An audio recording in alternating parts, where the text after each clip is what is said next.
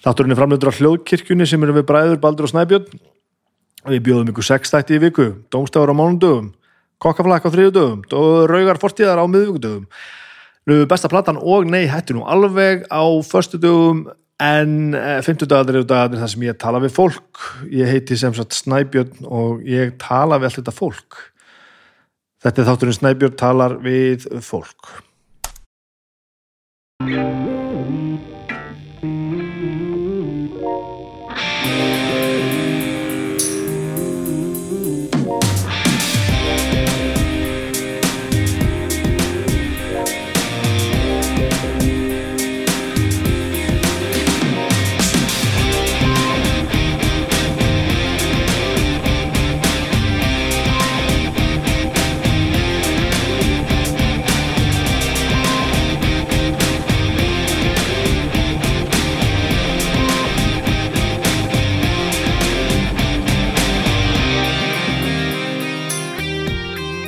Komið sæl og blessuð, velkomin í þáttum minn Snæbjörn tala við fólk.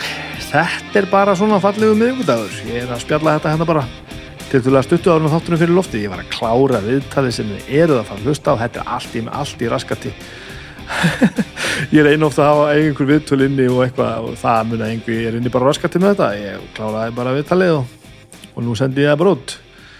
Ég með þess að það leitt út fyrir að það er ekkert viðtalað því að börni mín voru með hór og eitthvað og þurfti að sinna öllu. Þetta einhvern veginn fjall allt saman hárétt þannig ég náði að rulla þessu gegn og fyrir vikið er þið að fara að hlusta á mjög áhugavert viðtal. Alveg. Það var skemmtilegt, þannig að það er gott. Þetta reddast allt saman, ég, ég hef engan áhuga því að missa niður viku. En það má einhver mun að ég finn það. Bógin er svolítið spendur þessa dagana. Ég er aðeins Það má á, það er aðeins dættur. Ég er nú samt búin að koma af mér pínu vinnu, þetta er svona að ná balans. Nú þarf ég bara að ná að sofa pínu, þá er þetta allt saman komið á, á gott, gott ról, sko. Ég ávið eitthvað vandamála að stríða. Ég, mér finnst ég alltaf að hafa mikið að gera og, og fer svo oft í drastiskar aðgerði til þess að minga hvað ég hef mikið að gera og um leiði ég er búin að minga það, þá fer ég og finnir mér eitthvað annað að gera. Samanbyrja að vera með þetta fucking hlaðvarp sem er alveg, sem er gaman það er gaman en ég er ekkert að auðvelda með lífið neitt. En þetta er ógeðslega gaman og þetta er það gaman og ég er ekki að fara að beila það er ekki þannig, þetta er, þetta er, þetta er snilt. Það eru margir að hlusta á alltaf fleiri og fleiri og ég er að fá ægilega margir að posta og ég veit ekkert hvað ég að gera við allt saman, ég er hún alveg hérna. Æja, ójá, þessi mikrofónin er eitthvað hættu nú alveg. Hvað er að gera stjana, þetta er gott svona. Þetta er frábært svona E, það eru best að ég tali bara fyrst um styrtar aðilina, samstagsaðilina, ég þarf aðeins að það er svolítið mikið að gera í dag e, mér langar að, að, að fyrst langar mig að fagna því gríðarlega að það er búið að opna aftur og reykja okkur óstis í brautarhaldi það er búið að vera búið að vera lokað í sex vikur eitthvað og það hérna það setti líf mitt aðeins úr skorðum. Ég þarf að geta komið það inn þegar ég er á góðum tíma á mótnana sem er nú ekki alltaf, ég er nú ekki alltaf á frábórum tíma áður en ég fer í vinnuna ná mér í, í kaffið, ná mér í kannski, eða setjast niður með, e, með eitt sett kannski, eitt sett. Ef þið veit ekki hvað það er þá hafið ekki lifað, farið á, á Reykjavík Róstis og, og fáið ykkur eitt sett ég ætla ekki eins og að segja ykkur hvað það er sko, ef þið veit ekki hvað það er. Og kannski eina góða skónsu ég fagnar að það sé búið að opna þann aftur. Ég, ég er búin að e, fara á kárastígin á meðan sem er ljómandi gott en ég kann best við mig í bröttraldi, ég viður kenni það aðeins búið að rýmka eh, rýmka bönnin í sambandi við COVID, þannig að það er nú allt tilbúið það líka, hjálp vinnum með okkur þegar við kíkjum á kaffehúsi, þegar við skulum munna megum ekki vera að fá þetta við erum að halda áfram að vera með grímutnar og gera það sem okkur er sagt að gera. Við þurfum að losna við þetta helvítis, helvítis, helvíti.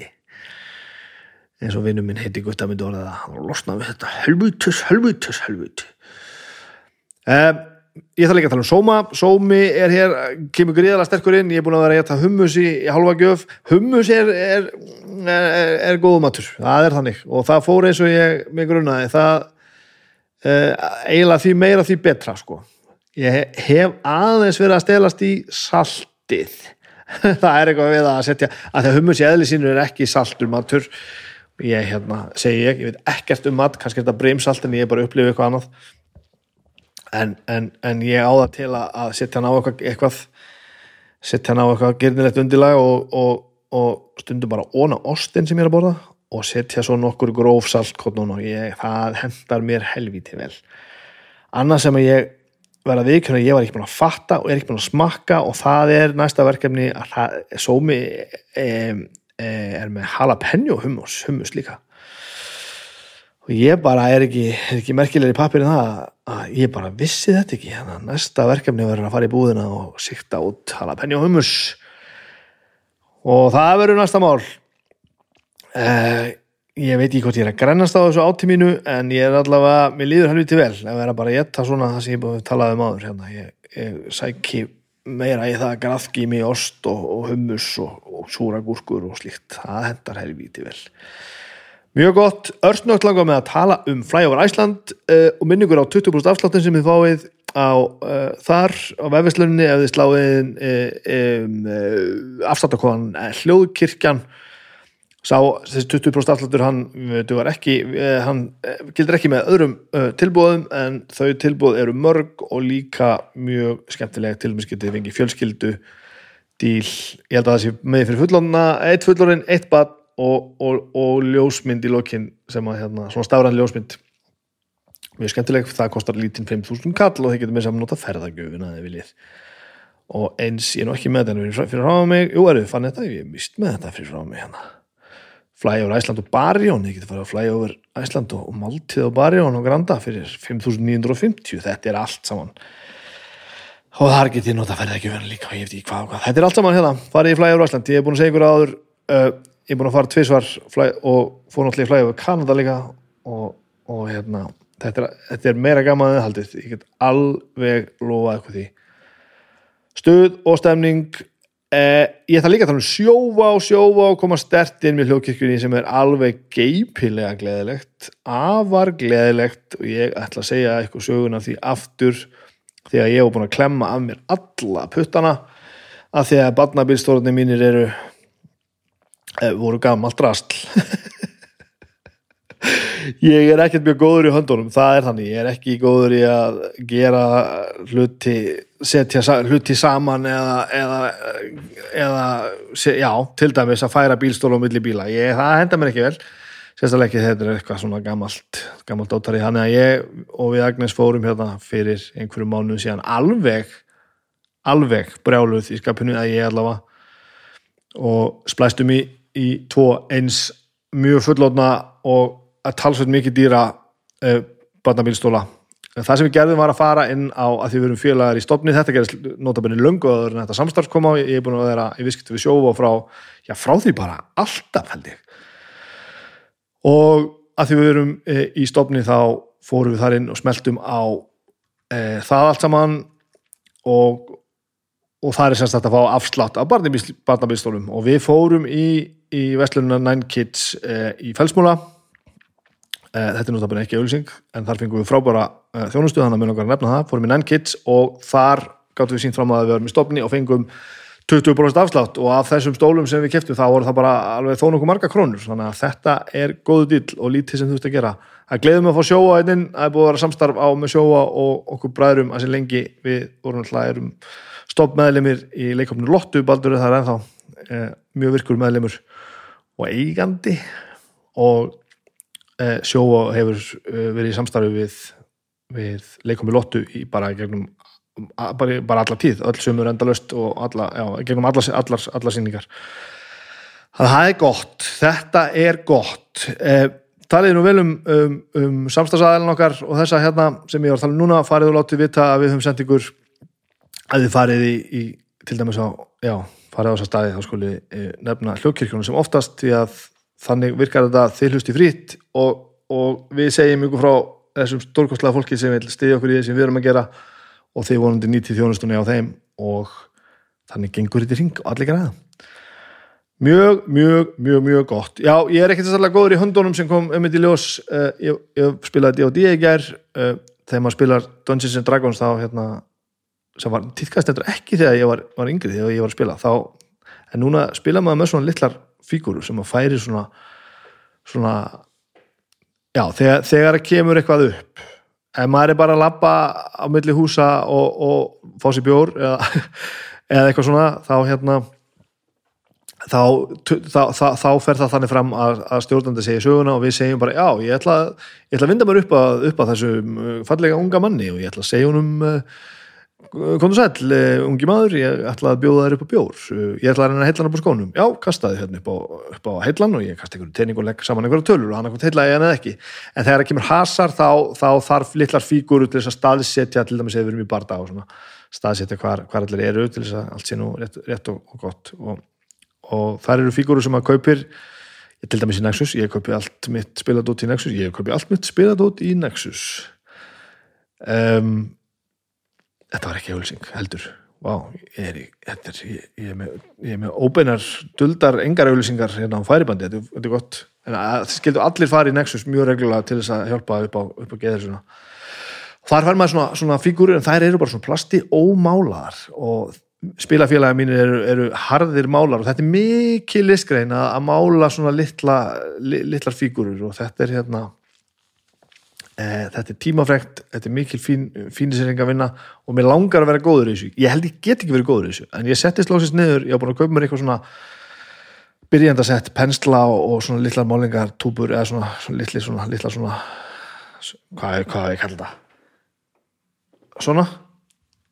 Þetta er að hrista hrista málinguna, þetta er bara svona litlar, litlar svona, þetta er svona litli svona málinganabbar og ég kefti hérna já, svona eitthvað svona starter set að þessu og á búin að humaði mjög lengi fram með mér að byrja að mála, ég á búin að taka eitt sessjón með, með strákunum að sem síndum mér aðeins hvernig maður á að gera þetta. En ég á búin að gleyma það í öllu og ég á búin að ofugsa þetta svo mikið að ég ákvaði að sittast niður banna að googla og banna, banna að fara á YouTube. Og satt hérna við eitthvað, fram á eitthvað kvöldi hérna lengi og málaði og gerði það allt saman vittlust að því að ég ákvað að frekar að gera það heldur en að fresta því að gera það því ég var alltaf að skoða hvernig ég ætti að gera það. Og ég málaði konu með vangi fíguru sem var kona með, með, með vangi og ég gerði það mjög illa sko. En ég gerði það og það var hansi gaman og ég ætla að gera meira þess og sjá hvort ég verði ekki bara betri þessu.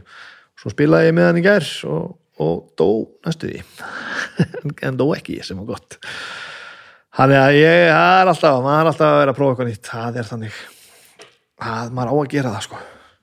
Eins og kemur fram í viðtalunum eftir líftalar með um það, það þarf að fara eins út fyrir það. Þetta er annars búið að vera svona frekar stíft. Ég er ekkert búin að vera neitt miklu stuði. Ég, ég já, þetta er eitthvað. Ég verð helvítið þreyttur. Börnum mér er búin að vera eins veik og það enda mér þetta henda mér ekki vel sko. Það er ekkert eh, gaman að segja frá því en það henda mér ekkert vel að vera til dæmis heima með börnum mín. Ég er bara ekkert góður í þetta, þetta er, mér finnst það ekkert leiðilegt og eftir því sem er eldast þá verður þetta svona aðeins viðráðalega en, en ég var heima hérna til dæmis bara mándaginn með veikböld já, með, með hórbad eitt, eitt, eitt hórbad og það gekk svo sem alveg ágætlega en þegar að þau komu heim heim tvö, Agnes og Björgvin þá, þá var ég bara úrvinda ég var svo þreyttur að ég svafi þrjá tíma bara því ég var heima með barnið mitt sko. og hún var ekkert að gera þetta af sér hún var bara að vera barn sko. og okkur komum vel saman og við spiluðum og lásum og eitthvað en eitthvað gerist í heilanum að mér þannig að ég, ég, ég var aðframkomin þessi dag hefur búin og þetta er bara mál sem að ég er bara að vinna að, að, að leysa ég, ég, get ekki að síðan börnum mín að þess að verða algerlega frávitað þrittu og pyrringi og þá fyrir maður til sérfræðinga og núna er mitt bara nú er framöndan þriði tímun hjá, hjá ofur sálfræðingum mínum, ég finn nú sennilega að segja hvað hann heitir og hvað við erum að gera og svona, allir endi ekki með að taka hann í viðtal eða eitthvað þegar við kæst ég ætla að lýsa þessu fyrir hann, þetta var óvinnu, óvinnu slæm vika með þetta. Þetta er djöfulugur anskoti það er ekki góð tilfinning að finnast maður, maður ekki ráða við að sjá um börni sín og það lendir svo allt á á makanum sko. Agnes tekur hitt hann að þessu alveg. Fram og tilbaka. Djöfu sitt djöfull. Náðum samt að horfa á þessu sjóarbið smá gýrskipting hann ég horfa á heimildamindunum Bee Gees sem er á, á HBO Max. Og og hérna, ég hef aldrei verið eðlilega, eðlilega, harðlega auðvitað að giska á það, ég er, ekki, er ekki mikil bítismæður og hef aldrei verið, en þetta er rosalegur ferill hjá ofbóðslega merkjulegur hljómsveit. Og þessi mynd er skemmtileg, hún er elvítið góð, blanda af gömlum heimilda viðtölum, þeir eru alltaf tveir að þreymur eru dánir, eða fjórir eða þrýra fjórum í rauninni eða telur. Andi Gibb yngsta bróður með líka sem á svo sem í rauninni aldrei í bandinu. Þannig að bara einn á lífi sem er í rauntíma viðtölum en en eldri viðtölu við þá, við þá hinn á þetta er, hérna, er margt sem kemur fram mjög skemmtilegt og þetta er, þetta er merkileg saga, merkilegar sveitar. Þannig að það er ekkert mál að, að mæla með því að horfa þá mynd, hún er skemmtileg. Eh, annars er þetta bara þetta mallar, þetta er bara helvítið tens og þetta lítur bara það er samt að byrta og svona. Þetta er allt eins og það að vera. Þetta er allt, þetta er allt að koma, ég hef trú á þessu. Ég hef trú á þessu. Ég þarf að, að, að redda þessu, þessu sem ég talaði um hérna á þetta er farað þetta, á, þetta kemur og fer aðeins en þetta er hérna þetta er ofið íþykjandi þetta er fóklæðilegt um, viðtalið að Líf Magnaudóttir um, oddviti vinstri granna í borginni. Ég, þú veist, ég er svo leilig stjórn stjórnmálum að ég bara vonaði að segja neitt segja neitt ránt uh, við tölum að alveg slattaði um það og svo bara slattaði um lífið sjálft og hún var hryllilega, hryllilega skemmtilega ægilega liðlega ég þetta að færa viðtali vegna út af, út af hórbönnum og, og öðru skipulegi og það var ekkert mál. Og hún kom inn með stuttum fyrirvara þegar að þegar að loksis opnaðist glufa. Þannig að þetta, þetta slapp allt ótrúlega vel fyrir hótt hún kom hérna rétt eftir að jarðskjáltatinn kláruðist enn í morgun og fyrir þetta heyrið þannig ég veit ekki hversu vel við tókum utan á um það, hvort við segjum það mjög uppátt en, en það er á einum stafnum þá, þá, þá kemur ansi snarpur eftirskjálti þegar við hérna, þegar við erum í mér í setningu þegar ég kannski tekið takkið eftir ef að, ef að vel vel ykkur á okkur ef við höfum tekið vel út á það. En þannig er það, þetta er bara hérna rétt á hann þetta er ég og líf við eldursporið hér heima á mér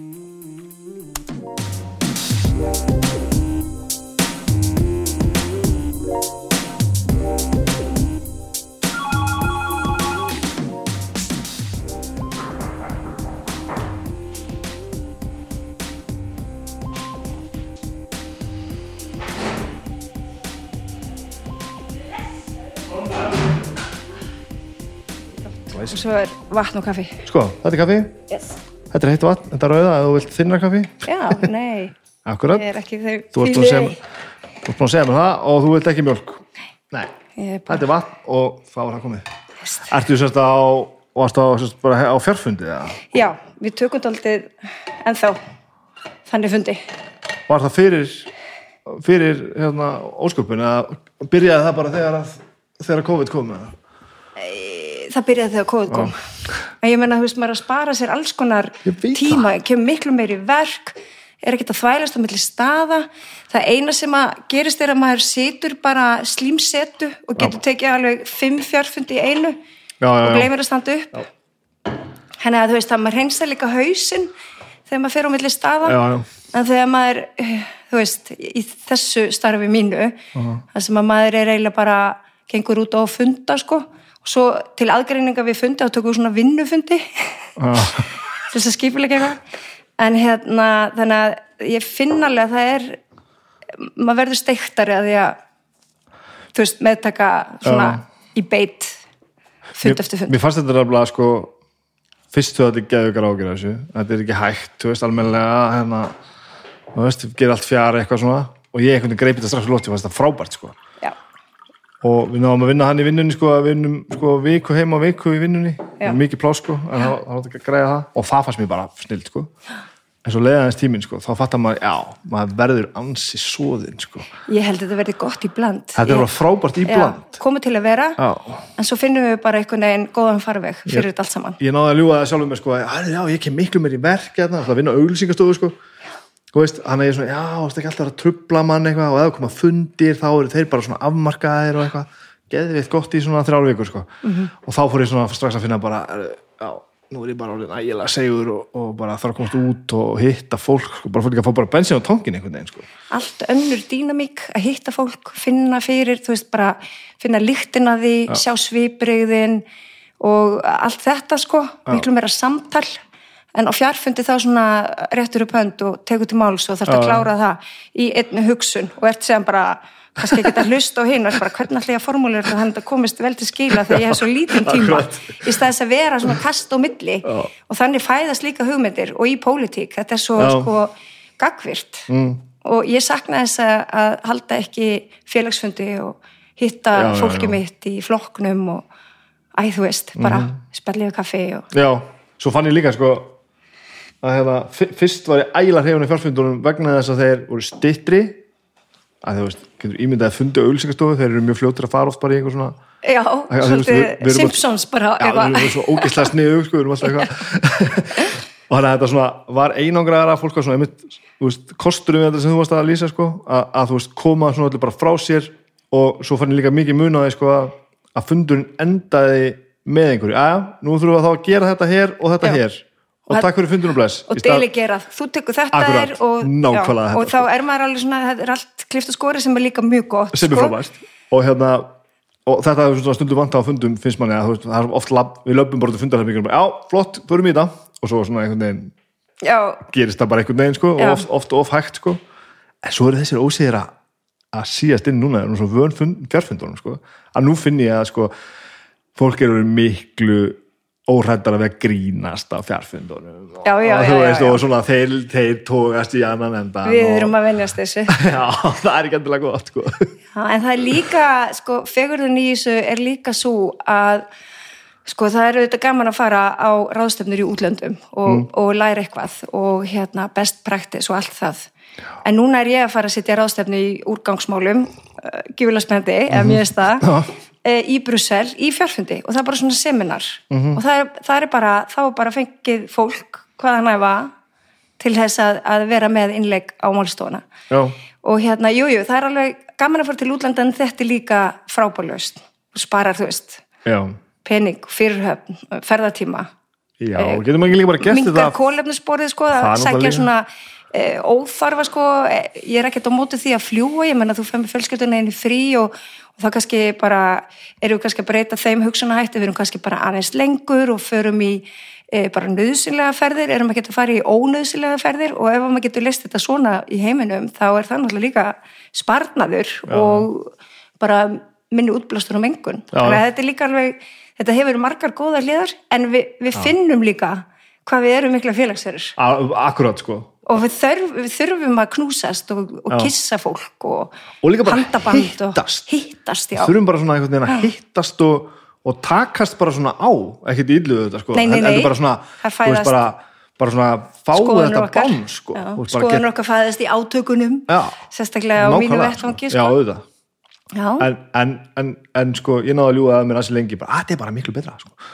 Já, já. það, er, það er ekki þannig. En nú ertu kannski komin, þetta er gott í bland. Þetta er frábært. Og, og, og mér finnst það í alvörinni og Já. þú veist, auðvitað var óþólandi pest sko að að halda sko, já við verðum bara að fara þrjú saman til Madrid á annan fund. Nei, við erum bara kveikt á tölvunni í fokkin klukkutíma og þetta komið sko. Mhm. þú veist, og, og við erum bara ljúaði á okkur svo lengi að bara, að það verður, við verðum að fara út bara og, og leysa þetta bara face to face, Já. það þarf ekkert sko, og það er að góða við það. Já, smámálunum sko. En ég, það er líka eitt kostur sko að því að ég, hérna, ég þarf ofta að vera að gera margar hluti, þú veist, ég á erfitt með að sitja lengi á fundum svona fysiskt sko, til dæmis bara, þú veist, ég stend oft upp og fæ mig kaffi og fer á klósti og stend upp og gera eitthvað bakið á mér og, þú veist, ég, ég á erfitt með að sitja kjur mjög lengi og hérna, það sem að hefur gerst er að stundum hefur getað tekið fjárfundin í síman, það sem að maður á bara að hlusta og, og vera með innleg kannski einstakar sinnum. Og það er bara, heimilið mitt er tandur reynd og þvóttakarfan er alltaf tóm. Já, já, já, þannig að þá er að bara veist, þá er ég bara að gera eitthvað svona eh, svona nokkuð heila lausar aðtapnir heima hjá mér þú veist, eins og að brjóta saman þvótt nýti fjárfundin er jafnvel með myndavélina á að brjóta saman þvótt við erum sko sex í heimili þannig að þú veist, það er alveg talsverið þvóttur en núna er þvóttakarfan alltaf tóm og nærið að meðtaka alveg Já, já, já, já. Já. það gengur eiginlega, mér finnst oft ganga betur ef ég er á reyfingu og gera hluti Já. og hlusta. Já. Til dæmis eins og sunnudögum, við erum með, svona, við erum með mjög rútínur að heimilið þannilega. Sunnudögum vöknum við og lesum blöðin eða bækur og fáum okkur kaffibólla og svo þrjum við og þá er allt tekið, þurkað af og skúrað og ryksuð og skipt úr rúmunum og og allir með og allir með, já, börnin er aðeins trekar í taumi en við erum að venja þau við þetta. En hérna, þá hérna erum við maðurinn minn, stundum hlustu við bara á podcast saman, af því að það er hægt að samstilla. Það Þannig að við hérna erum núna til dæmis að hlusta eh, sögur fyrir Kára eftir Óla Raka Mhm. Já, Grímsson sem var alveg stórkostlega frásagnir. Með Og- sitt hvora headphone sem sagt. Já, við erum bara með, já, og samstilt. Þannig að við erum að hlusta á þetta saman á meðan við erum að taka til. Á þess að hérna Já. Þetta er gott. Af því að ég minna, þú veist, Ríksson og fullu og alls konar háfaði og... En eitt er nú að hlusta, þú veist, á, á, á sögu eða viðtali eða eitthvað þátt en að vera bara í vinnunni, sko. Það er alveg að, Já, já, jú, já, jú, já, já, já, nei. Já, jú, ég næði því alveg. Já. En þú veist, ég vel náttúrulega fundina það sem að við erum með, náttúrulega, af því að ég er í meiri hluta henni í borginni þá erum við með svona meiri hluta fundið þar sem að fólk er bara daldið að viðra hvað það er að gera og eitthvað svona og oft þarf maður ekkert innlegg maður bara svona þarf upplýsingar, við erum bara miðla upplýsingum og þá oft er ég einmitt í þvottinum sko, þannig að ég er svona fundið þar sem að ég tek að mér heimilisverk líka og kombinera en varstu fram að þessu var þetta alltaf nærveru fundir? Þú þurftir, alltaf að vera það. áður en COVID kom, Já. já. Þá vorum við bara, mættum við alltaf allt. Og þá varst ekkert mikið að mæta með þvottin með þér. Nei, það er erfiðara, þetta er mikill fóttur. Og ég væri kannski, ég er nú alveg, sömu fólki fyrst ég alveg skrítin og ég var kannski búin að stimpla með alveg skrítnu konuna í borgarstjórn. Ég mæti með þvottum eða hvað sem er. Útskýri hérna eitt fyrir mér, að þú ert að segja þetta með hérna, þú veist, þú ert að einhver meiri hluta fundi og svona. Ég, bæst að ég segja strax, ég er mjög, ég, ég veit ekkert um pólitík og hvernig hún fyrir fram, sko. Það er bara eins og félagsstörf, sko. Já, já, veist, ég veit hvernig, sko, ég er mjög mikið áhuga maður um, og eftir sérstaklega sé eldist, sko, um þetta hvað við getum verið sannfærum um að, að hafa rétt fyrir okkur, sko, og, og reyna bara virðingu fyrir því að aðri hugis ekki eins. Mér finnst þetta, það- sápartur af þessu mjög skemmtilegur. Já. Þessi, þetta umstang allt saman, ég, ég skil þetta mjög illa, sko, og hérna, og, og reyni kannski ekki alltaf að skilda, ég segi það ekki, en hérna, en svo þetta- segja þetta með þessa fundi, og ég fór til að með eitthvað að skoða borgarstjórn og eitthvað svona, þú veist, eru fundir annarkvæð þriðudag? Já, fyrsta og þriðja þriðjudag í mánuði. Nema mánuðurinn samanstandi af fimm vikum og þá fellur niður fundur. Ok Og þú veist ég ég er ekki að hljóma en þú veist, og og hvað gerist svo á milli, skilur? Hvað er fólk að gera? þá er öll vinnan þú veist, öll vinnan fer í rauninni fram í sagt ráðum og nefndum Ok, þar er öll vinnan og svo að því að maður er búin að mynda svona meiri hluta og er ábyrgu fyrir því sem að gerist þá í ráðum og nefndum og þá þar er lendi í borgarstjórn að þá er náttúrulega er, eru vinnufundi líka þess fyrir utan. Og þá er meiri hlutin sem að hittist og ræðir ímis mál alltaf á mánudöfum eh, 12 til 1 já, og svo eru oddvitafundir og það eru alls konar svona aukafundir. Það eru sem sagt, þá eru ráðsmenn með, til dæmis eins og bara mentamálin, þá eru ráðsmenn að ráða ráðum sínum eh, fyrir fund eða millifunda, hvað ég að setja á dagskrá, hvaða máli ég að taka fyrir. Þannig að þetta er alveg rosalega mikið vinna líka, sko, ákvarðanir eru bara ekkert bara teknar í borgarstjórn, en það eru þetta sá líraðis vettvangur sem er svona það sem við erum öll.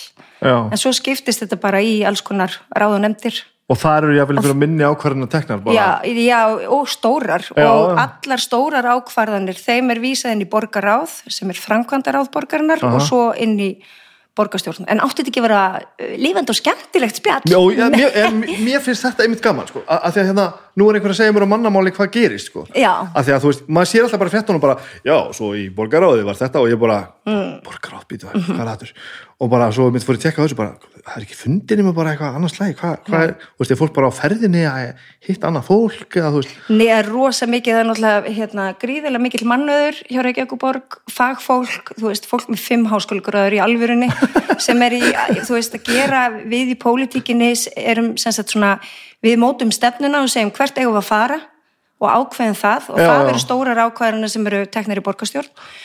Og svo þess og milli þá náttúrulega bara verið að þú, já, kanna hlutina hvort það séu mögulegi, Já, já. mögulegi hvað þeir kosta uh, hvort þetta séu almanahagsmunir þú veist, bara alls konar Já. á hvaða hérna, þú veist, hva, á hvað hefur þetta áhrif borgar þetta sig fyrir, þú veist, látekki fólk er þetta, eða skilur, Já, já, það já, er bara svona já. alls konar sem er verið að kanna að því ég held að bara sko ég, ég held að við höfum svo gott að ég að setja svo niður á mannamál fyrir þú veist, fólki sem að er ekki þessu að því að fyrir, fyrir mannski svo mig sé ég bara fyrir mig bara, þetta er bara fólk sem er ósamála að rífast Mm, já, og já. þú veist, og það er augljóslega er það ekki þannig sko. Nei, þetta er svolítið skúuspil Já, þetta er svona já, svolítið já, já. polarisering sem er samt leðilega því að ég, ég elska að þú veist, tala um hugmyndafræði takast á um ólíka skoðanir og heyra sérstaklega fólki sem hefur aðrar hugmyndir og skoðanir Já, en ég minnst já. það lang skemmtilegast og líka bara að því að ég held að maður sé hafi vonandi, ég vona að ég hafi náð nokkum, nokkurum þroska í það að líka geta sett mig bara í spór annara sem að hugsa gerólíkt. Já, og svona meðtaka það og svo, já, hmm, kannski breytist eitthvað eða mín skoðun aðlæst en þetta er sama umræðan með alþingi. Það er bara alþingi farið í sumarfrí. Ég fæ ekki svona langt sumarfrí. Já, já. en þá er það bara vettvangurinn alþingi en á meðan eru alþingismenn þeir vinna ógeðslega mikið. Þá eru þeir bara í nefndastörfum og þú veist, þar, þar er vinnan ég held að við bara ég held bara eins og ég bara, ég bara skilir þetta ekki sko. og nú er ég alltaf einu, svolítið gegnum hennan, þennan þátt og svona, bara farin að hitta nóg marga sem að er í þessu og koma inn og fara að segja, þú veist eins og þú kemur hérna bara svona svolítið geislandaði sem þú ert að gera og bara að fara að tala um, þú veist, sorpmál einhvers staðar í útlöndum eitthvað. Já, mitt, sko, og það bara svona, herðu auðvitað er þetta ekki bara eitthvað karp, þetta er bara fólk að gera eitthvað að einhverju ástríð og þá fyrir maður að skoða bara hvernig er þetta gert Mhm. og þá skilur maður lósi sko að því að ég sé bara fyrir mér sex tíma ríkfallna fundi okkur um einasta degi. Já, með vínabröðum. Ja, með nákvæmlega. Akkurat, nákvæmlega það. Og það, það virðist vera svo enga veginn þannig sko. Nei, alls ekki. Og ég, ég er þeirra skoðunar að sem flestir eigi að finna sér vettvang. Þú veist, ég meina, ég er ekkert alltaf sammála öllu í Vafki Nei, eða, þú veist, og ég get bara verið sammála sum í öðrum flokkum og Vafki vill kannski er búið ákveð sig og eitthvað. Þannig að maður finnur sér eitthvað svona plattform eða vettvang til þess að láta til sín taka og hafa áhrif og ég held að allir ættu að, ég held að allir geti fundið sér sinn stað eitthvað staðar og hinnu pólitíska litur og við erum náttúrulega með ótalmarka flokka og teki þátt í starfi. Ég meina það þurfi ekki allir að verða fórsættisir á þeirra sko. Nei, en þú veist að vera í einhverju svona starfi þar sem að þú sérð hugmyndið þinn að verða veruleika, ok, eftir langa tíma ég skal viðurkenna það, maður þarf að vera svolítið þólumöður sem á mjög illa við mig ég er svo óþólumóð, ég vil bara sjá að hluti gerist strax. En þá bara fattar maður, þú veist út á hvað stjórnmál ganga, ég bara hvet alla til þess að taka þátt í hvaða flokki sem er sko og bara finna Já. á þetta við mig. Ég meina maður getur líka farið sko, ég meina pólitíka við það, það er í þú veist, græsrótarhefingum, ég meina landvend Já, já. í, þú veist um, villiköttum eða að ég skilja, það er bara alls konar pólitík allstar og Það ég held að það sé bara holdt fyrir fólk að, að, að gera eitthvað. Saman hvað það er, þú veist stjórnmálaflokkar, þá áttaði sér líka og ég held að það svona eyði fordómum fólks um stjórnmálumenn já, já, og þú veist, flokka Já. ég, meni, ég hef þurft að heyra alls konar fordóma um vafki og framsókn og, og ég skal alveg viðkjanna það að það er stundum maður skinjar einhverja menningu í stjórnmálaflokkum sem að manni hugnast ekki Mhm. þess vegna er maður annars þar kannski Eh, en það er alveg til eitthvað svona menning í flokkum en hún breytist nefnilega með nýju fólki þannig að einmitt. flokkar er ekkit bara eitthvað skapulón mittlar í stein þeir taka breytingum, þú veist, í ég held að það, sem, það er einmitt það sem ég er hættu sko. Þannig að það er einhver íhaldsemi annara að segja bara já, byttu nú við, þetta er ekki flokkurinn minn sem Já. að ég, skilur í Já. stað þess að átta sig að við bara samfélagin er á flegiferð og það eru bara, ég held að við eigum eftir á þessar öld að upplega bara mestu breytingar síðan á, þú veist uh, innvæðingin hófst eða eitthvað, skilur, ég held að við séum bara við erum á fljúandi ferð, sko á grundulli hvers þá, bara bara sér þess að öru breytingar í tækni í, þú veist, samskiptum okkar. Þú tala um dælitt líf bara. Já, daglegt líf. Hvernig líka bara það er vitundavakning um umhverfismálin og þú veist, ok, ég held að þessi vírus til dæmi sem að COVID er ég held að þetta sé ekki fyrsti vírusin sem að við höfum eftir að upplega með þessum hætti, sko. Ekki síðasti, ekki síðasti, Já. já, ekki fyrsti Þetta er ekki fyrsti, sko. Þetta er sko ekki fyrsti. Nei, en skilur ég bara, veist, og nú get ég alveg farið á eitthvað eh, svakalegt flug hérna sem er bara mjög þókukent, en hérna, ég held að maður þurfa að vera daldið meðvitaður í nútíma samfélag. já, Um umhverju sitt, um annað fólk, um heiminn, við erum ótrúlega forréttinda þjóð já, við höfum það bara alltaf gott Já, en það er líka, það er líka allt í lagi að hafa það gott og gera síðan meiri kröfur, sko. að ég er að meina það, við gerum þetta ekki að því að við hugsaum ekki um það að því að við höfum það svo fucking gott sko. Já, en sko, og við skulum alls ekkert gera lítið úr, sko, vandamálum forréttindafólks og nútímamannsins sem að by- býr í, hinu vestrana heimi, sko, af því að við erum að díla við, þú veist, rosa mikið þunglindi og einmannileika í stórborgum og bara ímislegt sem fylgir velmöguna ríkjum vestranum heimi. Þannig að, þú veist, já, það er kannski ólíku saman að jafna. nú erum við að- farin að tala um eitthvað sem er bara allt í einu skemmtilegt sko. þú veist, yfirleitt er þú veist, ég venjulegi maðurinn eitthvað, það fyrir að tala um eitthvað svona mál og ég bara svona kóðna niður einhvern veginn sko. en nú ertu komin bara með eitthvað svona eitthvað svona eðlilega mannlega tengingu í þetta þú veist, er vinnaði svona? Ferðu og talar mannamál við fólk? E, nei, ég sitt með alltaf í rosa pólitíska Já, stellingar. það er það sem við upplifum við heil sko. Ég er náttúrulega svo hérna, þjökuða staðalmyndum um stjórnmálamannin. Nei, ég er það alls ekki. En hérna, ég er það samt alveg að það, hérna, að sko, þegar þú ferð í pólitík, þá er líka alveg markmið flokka að fá gott fylgi, Mhm. að því að e, flokkar vilja komast til valda. Það er bara staðrend. Ég meina, þú gerir ekki neitt í minnihluta. Nei, en þú nei, veist, nei. þú gerir minna í minnihluta. Þess er þetta minnihluti. Já, þú vilt ekki verið minnur það Nei, er þú að segja vilt, sjálft. vilt hérna, koma að borðinu og taka ákvarðanir og færa fleira fólk að ákvarðantökunni en sko, svo hérna býðum maður sér fram og þá er maður ekki nógu mikið svona eða þú þarf að vera meira svona og þú mátt ekki segja þetta og vera að passa á þessu og það er til ennþá svona rótgróin staðalmynd að stjórnmálamannum sem að er hvítum miðaldra kalli jakkafötum, það er alveg staðrend já. og svo oft þegar núna eru við konur eh, við tökum blás og viljum meira og hérna bara alls konar konur sérstaklega líka ungt fólk það vil bara kom, komast að ákvarðunar borðinu eh, og hérna og ég sem betur fyrir skinni líka þetta er að breytast en maður finnur alveg fyrir þessum rótgrónu hugmyndum sem allir hafa alist upp við um hvernig stjórnmálamenn eigi að vera en ég segi, ég er hér í stjórnmálum til þess að breyta. Og skulum þá breyta þessu anskotin hafa það líka. Já. að við megum bara vera eitthvað þverskurður af samfélaginu, bara alls konar. Goffarar og þungar okkarar og sko hjúgrunafræðingar og grunnskólakennarar og hvað við erum og hvernig við skilgreinum okkur, kynsegin og hinsegin og erum með blátt hár og segjum, og, þú veist óhefnilega brandara og eitthvað. Æ, veist bara, það er bara rosa mannlegt. Megum vera mannleg, sína tilfinningar.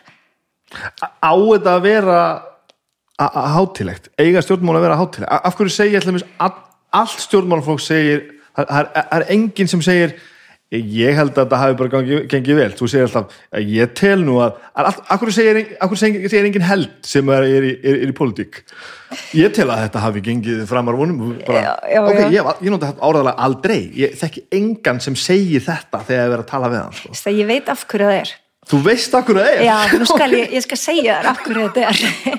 Sko, stjórnmálumenn vilja alltaf vera með fyrirvara. Af því að eðli málsins samkvæmt, þá vilja þeir ekki lofa ykkuru um, sem þeir get ekki staðið við. bam. Bam! Nú og þetta. já, já, ég held, ég held þetta sjá allra vítorðið samt þetta er rosa lindamál og þá eru þeir náttúrulega, sko við viljum, ég vil lofa ykkur, sko. Já, ég vil líka geta staðið við það. Og það er þannig með eh, flokka, ég meina ef að til dæmis við varum bara vafki með öll borgarstjórnasætin skiluru að þá myndum við segja bara við ætlum, já, já, já. En þú veist, þú ert alltaf eiginlega í samstarfi við aðra flokka þannig að þín stefnumál uh, kannski ná ekki fram að ganga alveg eins og þú vilt í þessari atriðinu þannig að við erum alltaf með eitthvað fyrirvara. Vafge til dæmis vill að uh, leikskólanir í Reykjavík séu endurgjaldslausir. Aha. að fóreldri borgi ekki neitt fyrir það.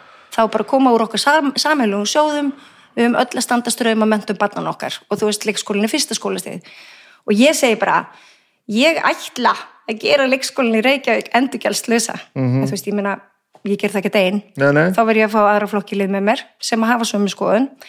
Uh, auðvitað vill maður lofa einhverju en maður verður líka að standa við það. Og það er svo leðilegt fyrir stjórnmálumenn uh, og trúverðuleiki er í rauninni allt sem að stjórnmálumæður hefur þannig að það er rosa leðilegt að vera gerður aftur eitthvað með það þú þetta- sagðist ætla. Já, já, já. þú ert svikar og þú stóðst ekki við það. Og þá já. bara En ég satt líka að tala um bara orðalagi sko. Akkur segir ekki bara ég held að þetta hafi gengið vel í staðan fyrir ég tel að þetta hafi og það er alltaf þessi, er alltaf þessi sköldu sko, þessi svona hátili í sköldu sem maður fær alltaf, hvað ekki það að segja? Já, já, veist, það er engin sem að það, það, það er, ég man ekki bara eiginlega ekki eftir neinum pólitíku sko, sem að gera þetta nema kannski fyrstu tvær vikundar eða eitthvað, svo sogast viðkomandi inn í, inn í formið, sko. Að þetta ekki viðtal og bara hérna "Eh, ertu, ertu ánægð með hvernig gekk? Já, ég held að þetta bara gengið frekar vel. Þa, það, það talar engin svona, ég til að við höfum náð talsverðum árangri og blu blu blu og þá bara fæ ég bara hvað er ég, er ég, að- er ég, að- horfa á vélminni hvað er það, ákveður er ekki það talar ekki svona í alvörinni þetta er svona in-group, out-group, þetta er rosalega aðtiklisvert. Þetta er í rauninni, þú veist, unglingar hafa sitt lingó og sinn talsmáta Já, já. og þá eru þeir hluta ykkur um hópi. Svo er þetta líka bara starfstengt. Ég hef einu svona langt í partíi með pípurum. Það var ekkert sérstaklega skemmtileg lífsreynsla fyrir mig vegna þess að þeir voru bara að tala um alls konar pípur og hvernig þeir settu hitt og þetta saman og eitthvað, bara mjög leðilegt. Og það er eitthvað lingó sem að þeir skilja og kunna og eitthvað orðfæri sem að fólk notar. Já. En þetta hefur verið rannsakað. Það var e, stelpætti fyrir nokkrum árum síðan sem að gerði sagt, rannsótt að því að Stengrum Jóð er náttúrulega búin að vera 30 ár, nei, hann- 40 ár í pólitík. En nema það, að hann hefur verið bæði sko þingmæri minnihluta í stjórnaranstöðu en líka bara fósett alþingis og fjármálaráþar og eitthvað svona og það var sem sagt málfæringur sem að við búum svo vel að hafa alla ræður skrifaðar á alþingi langt aftur í tíman að hérna tók sagt hvernig málsnið uh, Stengrim Sjóð þingmanns breytist sem þegar hann ke- kemst í valdastöð Jú, þannig, og það er alveg marktækt, sko, veist, þetta er bara, þetta er, ég held að þetta sé bara, þú breytur um umhverfi, ég meina, þú ert að vinna á auglýsingastofu og þið talið alls konar einhvern veginn saman og notið eitthvað orðfæri, en ég meina, svo ferðu kannski og heimsækir ömmuðina og þá notar kannski ekki sama orðfæri, þú veist, maður frábært. sér svona málsnið. Og þegar þú ert bara í ykkur umhverfi að þá er það bara ykkur hópur sem að hefur valið sér eitthvað En þegar þú ert að tala við fólkið, bara við, í viðtali frettunum, er það bara svona erfitt að stíga út úr karþarnum með það? Nú er ekki að tala um þig, skilur. Nú Nei, ég tala- veit, já, ég, ég held að, já, Að, að þetta er alltaf einhver vinsaldakefni þegar allt kemur til ás. Ámaður ekki að reyna að relata til fólks. Er þetta ekki að tala við fólk og segja, já, veistu það, ég held að við bara náum að gera þetta almennilega. Ég tel að á, næsta ásfjörðingi, bla bla bla, bara, og ég sitt heima bara, þú ert ekki að tala við mig, þú ert bara að segja eitthvað sem stóða einhverju blaði, sko. já, já, já, það getur verið. En ég held að þessi, er þeir ekki svolítið ólíkir þarna til dæmis eins og alþingismenn? Jú, pottet, sko, auðvitað er ég að reyna að vera pílu leðilegu, sko. Já, ég, ég held samt að þetta, skiptir máli sko að því að þú eh, berði ykkur ábyrð, þú Já, vilt já. vanda þig og þá ertu varfærin í orðavali. Upplifði því þú þarft að já. ná til allra Já, já, já, og þá kannski ertu pínu að sótreins að tungumálið þitt með einhver svona nafnorða stíl þú veist, það- sem að lög, lögmenn gerur aldrei, hefur þú lesið svona lögfræði texta Nei. það er leiðilegasti text í og- heimi. Það er alveg að breytum breytanda. Ég skildi ekki ennþá. Hvað breytum breytanda, bara hvað? En það, sá texti lítur að snúa svolítið mikið um það bara að sauma alltaf fyrir að það er, já, allstaðar. það er svona fyrirvara texti döðans Já, það er þetta, fyrirvara í öllu þetta hana, hengd until death, eitthvað slúðis, eftir einhver lifiði af hengingu og mátt ekki, eitthvað á ramastólinni eða eitthvað, það sem einhver var döðar af sig getið bandarist, sko. Og þess vegna er eitthvað orðalag þetta bara átt að hanga úr snörinni þar til þar til viðkomandi er, er látin. hanging by death það var einhver kona, ég voru alltaf að tala um þetta í podcastunars bróðum þannig að dröfum fortíðar kona sem var semst hengd þetta er alltaf langt langt síðan sko. og, og lifði svo bara af sko.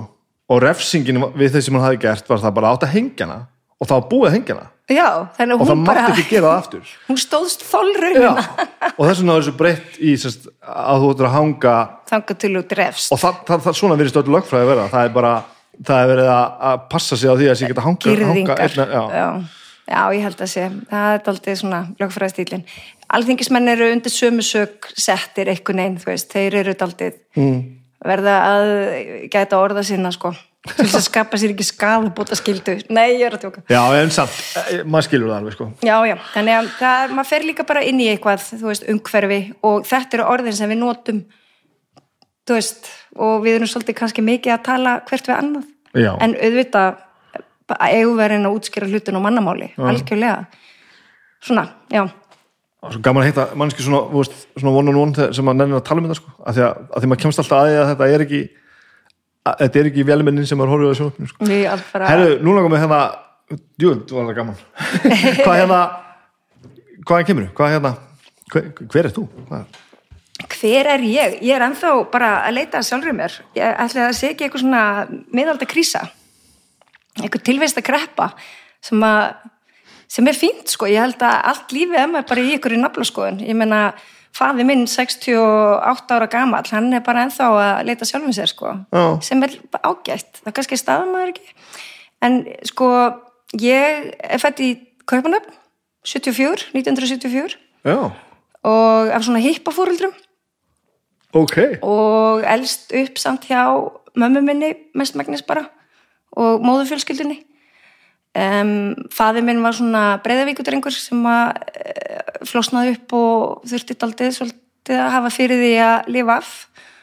En hérna er búin að vera eitthvað núna í 20 ára og er í góðum málum. Þannig að ég kynntist honum ekkert fyrir en ég var flutti aftur heim. Bjó hans þess að tema Já, hann, hann fór náttúrulega bara erlendis, hann fór til Ameríku í, sko, í, já, afvötnun og eitthvað svona, það, ég, það voru lí, bara fá meðferða úrræði hérna framan af, sko. En hérna, en ég fluttist nefnum aftur, ég elst upp í Vesturbænum, Reykjavíkur, skerjafyrði, bjóð tíu ári skerjafyrði, fór í, þú veist, bara meðlaskóla og hagaskóla og svo fluttum við aftur út í Danmarkur þegar ég var 16 þannig að ég er með danst stúdenspróf og bjóð þær í sex ár. Og svo þegar ég flytt aftur heim til þess að fara í háskólan hérna heima að þá kynnist ég aftur uh, pappa mínum Já, bara svona, já, þá tökum við aftur upp þráðinn sko. og vissir, þú vissir alltaf á honum eða? já, já, ég vissi alltaf. Og ek- en ekkert samband það var lítið samband Vá, og svo náttúrulega líka gerist maður að vera unglingur og er eitthvað neginn bara að hugsa um sig og vini sína já það er aldrei þannig Og hvernig kemur maður svona sambandi á aftur? Ég bara ringdi hann og hann bauð mér hendi sín á Langholtsvegin, þetta var 90 og, hvað var þetta? Já, 95 var þetta endar, eitthvað svo les, og gerði fyrir mig sushi. Þú veist, hann átti bara, hafi verið í námi í New York. Heims maður, 95 að gera sushi Ég veit það, í fyrsta sinn sem ég smakkaði sushi, ég fekk miso-súpu og sushi og ég bara, kunni valla að halda á prjónum, sko. Rosa heimsborgari. og, og hvernig er að ganga inn í svona samband eftir, Það var bara eins og með góða vinni sem að þú hittir sjaldan. já, Bara frábært. og ekkert sem þú veist, þú veist einhvern veginn svona höggva á og leysa það svoleiðis, þetta er bara, Nei, það tókum bara upp þráðinn. Vil. Og svo skilur maður ímislegt, sko. Ég menna maður er, eh, þú veist, gerður úr einhverjum tveimur manneskum, þó ég vilji meina að ég sé alveg einstök og ekkert lík þeim hvorugu, að þá hérna finnum maður samt, já, heyrðu, þarna var þetta, það, þarna var þetta. Já, skilur við, þarna fekk ég svar við því sem að ég er búin að vera að hugsa eða, eða heyrðu, já, þarna eru hendutan mínar. Þú veist að spegla því í já, honum maður bara seinna. svona, ég held að þetta hafi bara verið mjög holdt fyrir mig, sko, að taka upp samband við hann aftur, Já, bara gott. Fyndið að komast það svona setna já, og er þetta eitthvað sem þú varst bara að leita að þá eða bara eitthvað sem þú veist, bara, bara maður er oft, þú veist, maður er náttúrulega í, þró- í þróskaferli sínu unglingsárin og kannski svona fram til 20, 25 eitthvað svona. Það maður svona pína velt, velta því fyrir sér hvað maður kemur sko. Já, og hérna það, ég held að sé öllum holdt að, að vita það, ég skil líka til dæmis þess að um, þrá ætlættir að batna að vita uppruna sinn. Mm.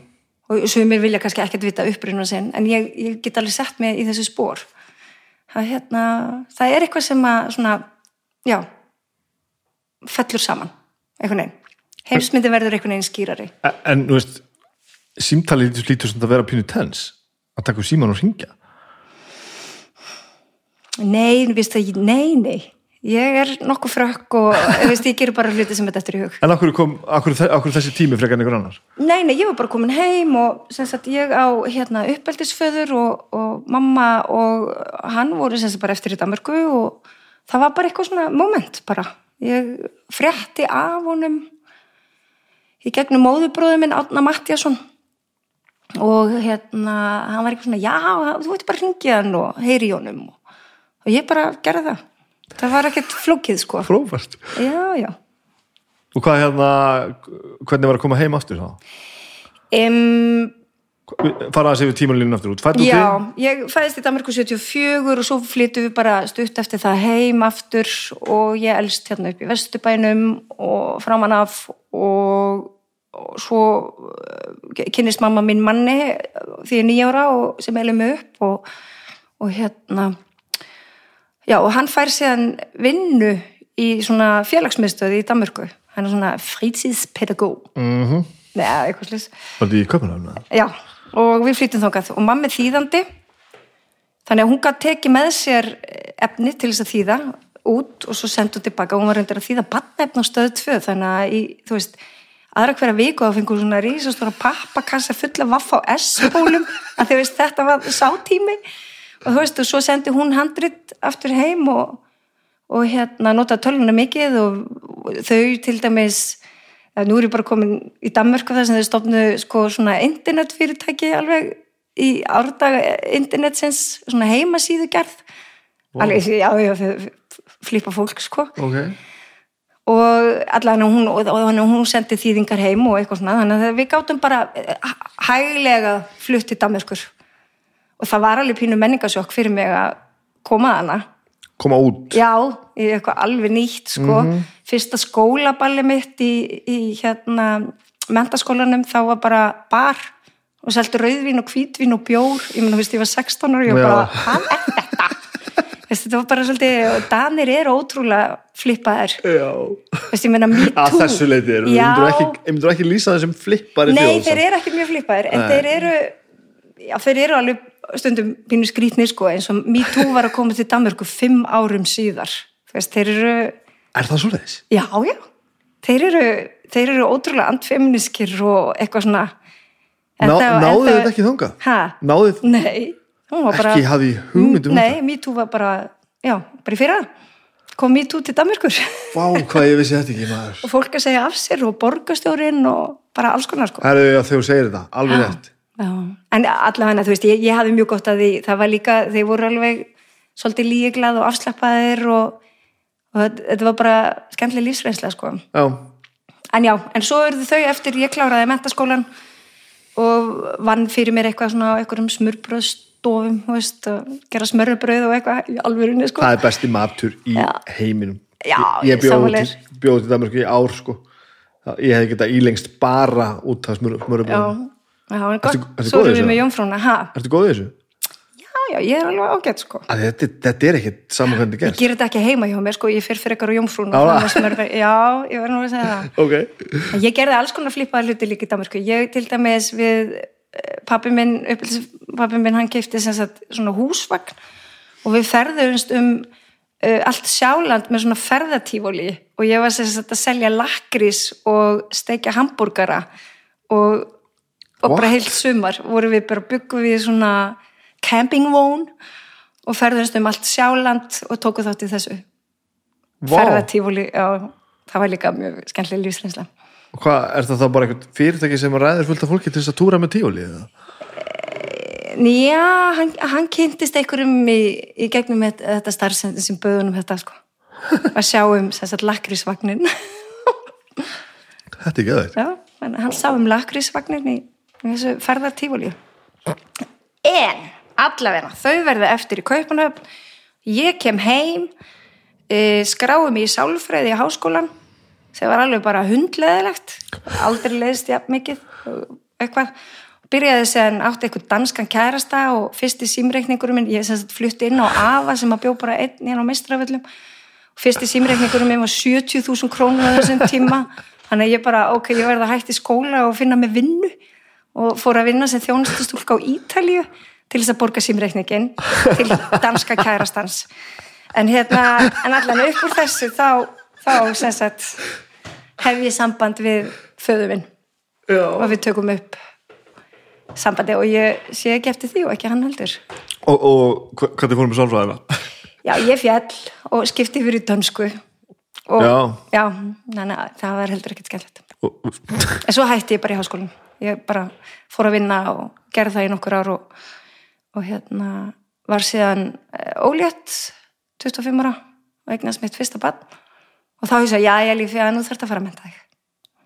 Þannig, Og gerður það það? já, þá ger ég. Og var þá gaman að það var gaman. Akkur Ég fór í hérna kennaraháskólan og ég bara, bara mæli eindrið með því að vera kennari. Ég er grunnskólakennari sem sést og það er bara besta starfi í heimi.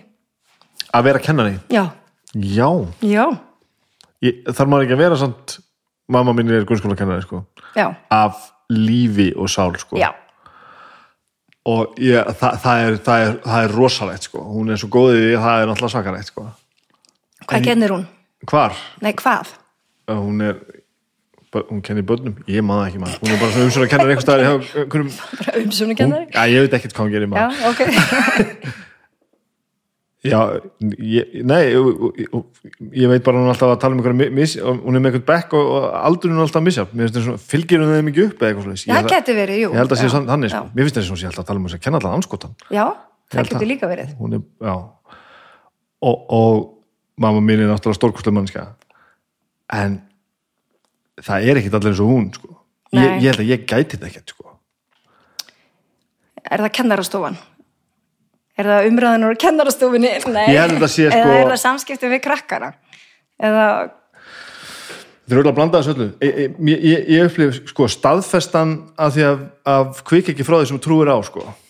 Mhm. ég, var, ég er því svo linur maður. já, eftirlátt samir kennari? Já og þú veist einhvern veginn bara, já kannski gerum við þetta bara öðruvísi næst. En það er bara, hún er bara En það er samt líka kennsla, sko. Já, það er sko einhvern veginn að laga sig að nemyndum. Já, ég er náttúrulega ekki að tala um einhvern hitler sko. Heldur hann bara, að hún sko að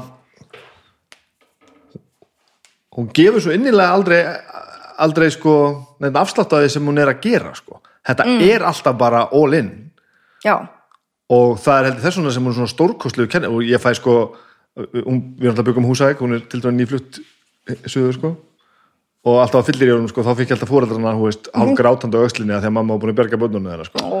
sem er frábært sko, og, og þannig fór ég að fatta bara, ok, kellingin er sennilega rosalega sem hún gerir sko. hún er bara svona mamma. Já, Allra. og líka bara no bullshit sko, alla daga endalust sko, og svo bara svona grændar hún, hægt og rólega og einhver hópur sem var ómögulegur eða eitthvað, eitthvað fólk sem náði ekki fótfestu eða eitthvað, það kemur bara út á hinum endanum, tveimur ára setna og þetta er bara komið í fucking lag sko ég er því bara mánuði setna bara bara, þú veist, hvað er ég að gera þetta ég lítur að geta villist, ég er að breyta eitthvað nei, ekki breyta henni, bara og svo bara grændar hún og grændar og grændar sko.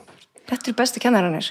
Kennara líka sem að fólk eh, man eftir lengi eftir að það er hægt í skóla. Að það hefur djúbstæð áhrif og það er bara þannig að stundum þarf bara einhvern einn til þess að hafa trúið þér -hmm. og þá gengur allt upp. Já. Og þetta finnst mér vera alveg hlutur kennara og ég er eiginlega komin á þá skoðun að, að sko fyrstu árin í grunnskóla að þá eiga krakka bara að fá, þú veist, að styrkja sig félagslega mm. þú veist, og fa- hafa trú á, þú veist, mér, mér finnast einhvern er ekki skipta öllu máli, alls ekki eiginlega bara, ég er eiginlega komin á það að, að sko, ég, ég byrjaði ekkert að læra fyrir en bara ég fór í háskóla, fyrir ekki já, það er bara þannig. Og hérna bara þú veist að krakkar hafi trú á sér e, skipulagni skiptir rosalega miklu máli. Ef þú ætlar að ná aga í bekk til dæmis og ég held að mamma þessi þannig heyrðist mér. Alla leið sko. Og, og þegar það er skipulagning og allir vita hvað þeir eiga að gera að hérna, þá er svo mikið rými fyrir að gera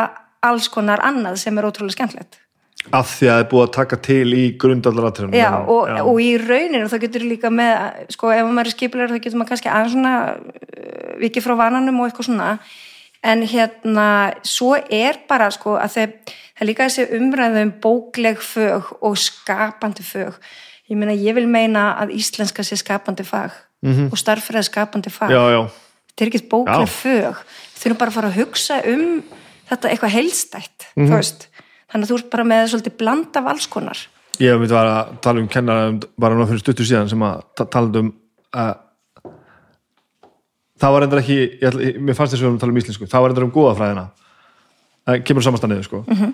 að, að, að þessi ágætis kennari hún kendi góða fræðina með því að slökka ljósin og vera með glærusjó. Frigg er sýstir Freyju. Svo bara farið einhver svona, einhver svona, hérna, einhver svona upptalningu á einhverjum aðalatriðum sko. þetta var til þess að dreipa áhugaðan hjá svona hundra mann sko. og þetta, þetta er svo mikil synd sko.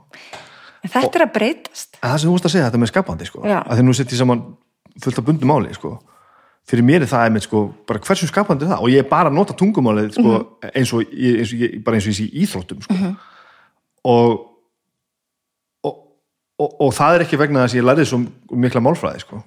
það er ekki þessum, auðvitað náttúrulega hjálpar það já, já, en þetta er briljant sem þú ert að segja sko, að leggur allt sko ef að þú ert búin að eh, fá nefndu til þess að fatta hvað það er sem að skiptir fyrir sagt, að grunnunum skiptir máli stundir þannig maður að gera eitthvað leðilegt ánum maður byrjar að gera eitthvað skemmtlegt og setja í eitthvað samhengi þá geta eitthvað, þú veist það er hreyfiafl líka. Já, og ef þú horfir líka á þetta bara, þú veist að, að krakkanir finni sinn farveg til þess að fatta hlutina það er ekki til dæmis bara eins og í starffræðidæmum þú getur farið marga leiðir að sömu niðurstöðu og það verður hver og eitt stundum að finna það hjá sér. Það er líka skapandi. Þannig að þú ert að svona íta undir líka bara sjálfsbjargaviðleitni krakka hvernig myndið þú vilja þá nálgast þetta viðfangsefni, hvað viltu gera? Og ég held að það sem að við erum að fást við í samfélaginu núna varðandi allt unga fólki okkar, það eiginlega svolítið áhugaleysi, frekar en það að þau get ekki lært, skilur þetta, þessi umræða stráka get ekki lesið sér til gags og allt það. Ég meina, þú veist ég held að flest börn geti gert allt á sinn hátt. Ok. Og það er eitthvað svona, það er trú sem ég hef á skólakerfinu. Og þetta er að breytast rosa mikið. Ég meina skólakerfi og svo er ofta eitthvað svona fólk eins og ég á 50-saldri eitthvað bara, já, þetta skólakerfi er ömulegt, en ég meina þetta skólakerfi sem ég var í, það var kannski ekki frábært, uh, en skólakerfi í dag er bara frábært já, það auðvitað getur alltaf orðið betra og, veist, og það er bara líka með tilkomu góðra kennara sem að kveika í já.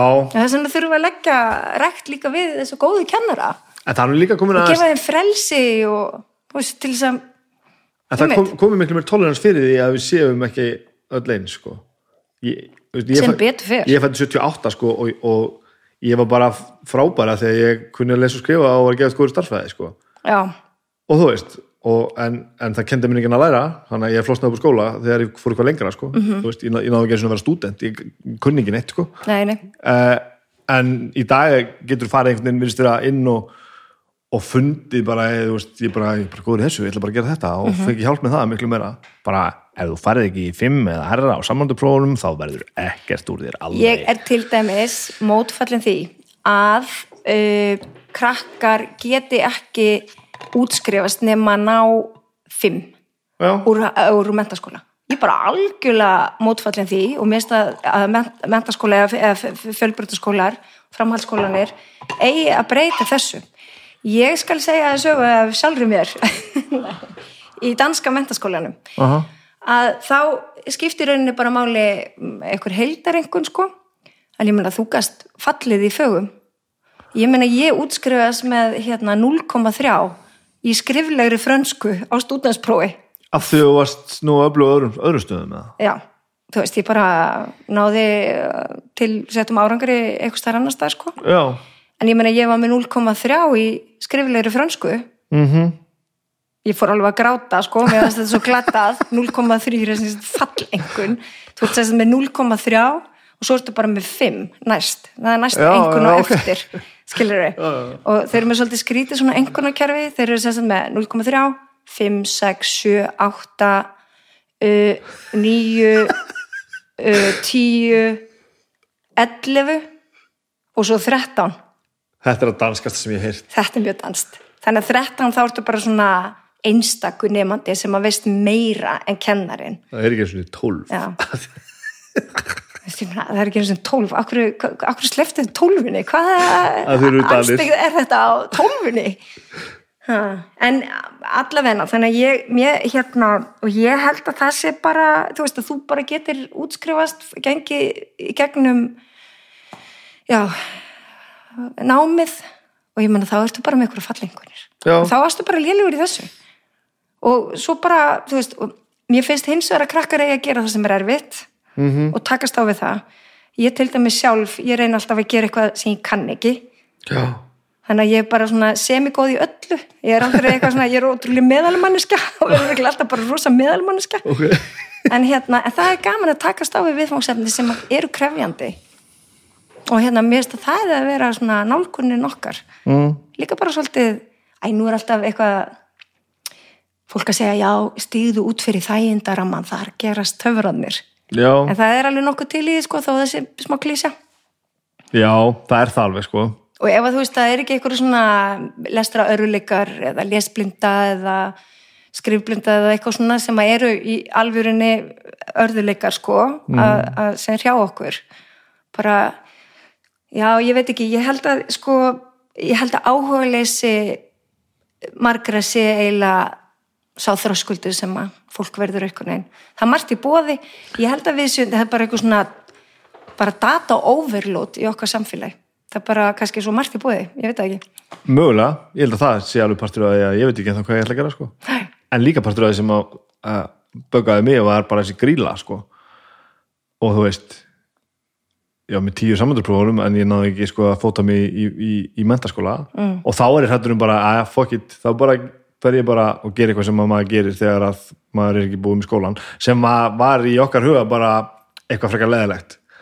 og bara fer að gera eitthvað leðilegt fyrst þú nefndir ekki að í skóla en svo komst ég samt bara að því að ég gætt gert eiginlega það sem ég langaði til að gera í lífinu og komast náttúrulega sem ég langaði til að vera ef ég bara syndi í nógu vel Já, já, og nú er ég bara á, ástríðan, Já, áhugin sem já. dregur þið áfram.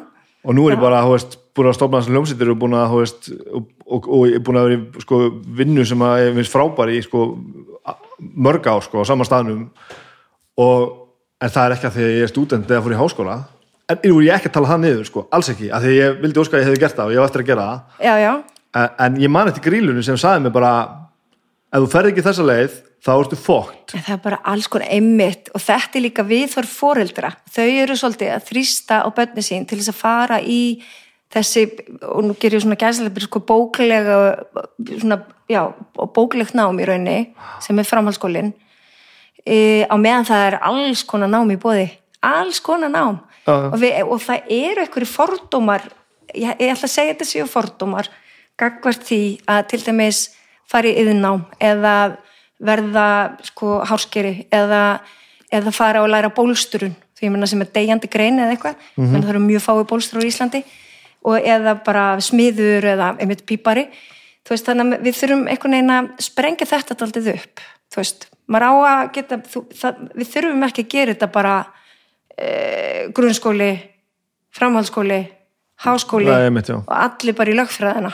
Þú veist, við þurfum með bara svolítið offarambóða lögfræðingum nei, en e, þú veist já, já.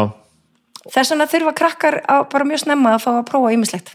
Mér fannst líka vanta og bara vita hvað það er í búði fyrir mér vantaði líka bara ok, ætli ég að fara að læra íslensku? Hvað ætli ég, þú veist, ætli ég að vera íslensku fræðingur? Og svo hvað?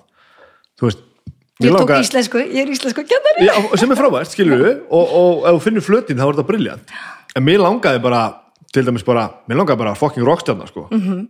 þú veist í dag sé ég það að það hefði sannlega ekki verið sem, það hefði ekki verið skemmtilegt sko. Ég er á mjög góða stað hvað var það, var það rocki í dag sko. ég, ég myndi ekki vilja vinna þetta í dag ég fatt að þetta er ekki alveg svona einfalt eins og maður held já, já, en sko mér var eiginlega bara kent að það var ekki hægt en núna bara veit ég að það er lígi sko. ef þú setur þig bara á fullt og ákveður og ég, ég vil náttúrulega taka frekar svona absúrt dæmi sko, að að- að segjast alltaf að vera rockstjórna er svolítið harkalegt, en þú skilur hvað við já, já. í staðan fyrir að sko, ég hefði getað farið bara í ég veit ekki, bara í sögu og íslensku eða eitthvað og unni með það og orðið það sem ég er í dag sko, að því er að vinna helling með, með tungumálið og alls konar einhver, einhver, einhver sagnaminni og hitt og þetta. Já. en í stað, ég bara, allir að vera sagfræðingur mér langar eftir að vera sagfræðingur, hvað ég gera við það? Sitja og lesa ykkur á bækur og skrá ykkur niður? Mér langar eftir að gera það. En námið opnar alls konar Já, dyr hann vantaði Já. það að segja mér bara, herru, Já. ef þú læri þetta þá getur þú farið með þetta og hlaupið með þetta á hvernig sem þú vilt ég við getum nýttir þetta í hvað sem er. Já, og ég hugsaði aldrei sko grunnskólakennara námið mitt þannig, ég hugsaði sko þetta er alliða mentun -hmm. uh, og í rauninni getur þú starfa hver sem er í heiminum þú getur farið í hérna bara hjálparsamtök og verið í flótamannabúðum eða þú veist, þetta er rosa og leiklistin finnst mér líka vera daldið þannig að hérna, mér langaði að komast í leiklistaskólan ekkert endilega því að ég ætlaði að vera kvikmyndastjarna. En þetta er bara rosa gott nám. Stendur mjög fáum til bóða óbúslega dýrt nám, það eru inntökupróf. En ég hugsaði hvað er maður að gera í leiklistaskólum, jú, úr til að lesa ljóð og texta uh, syngja og dansa og spila hljóðfæri.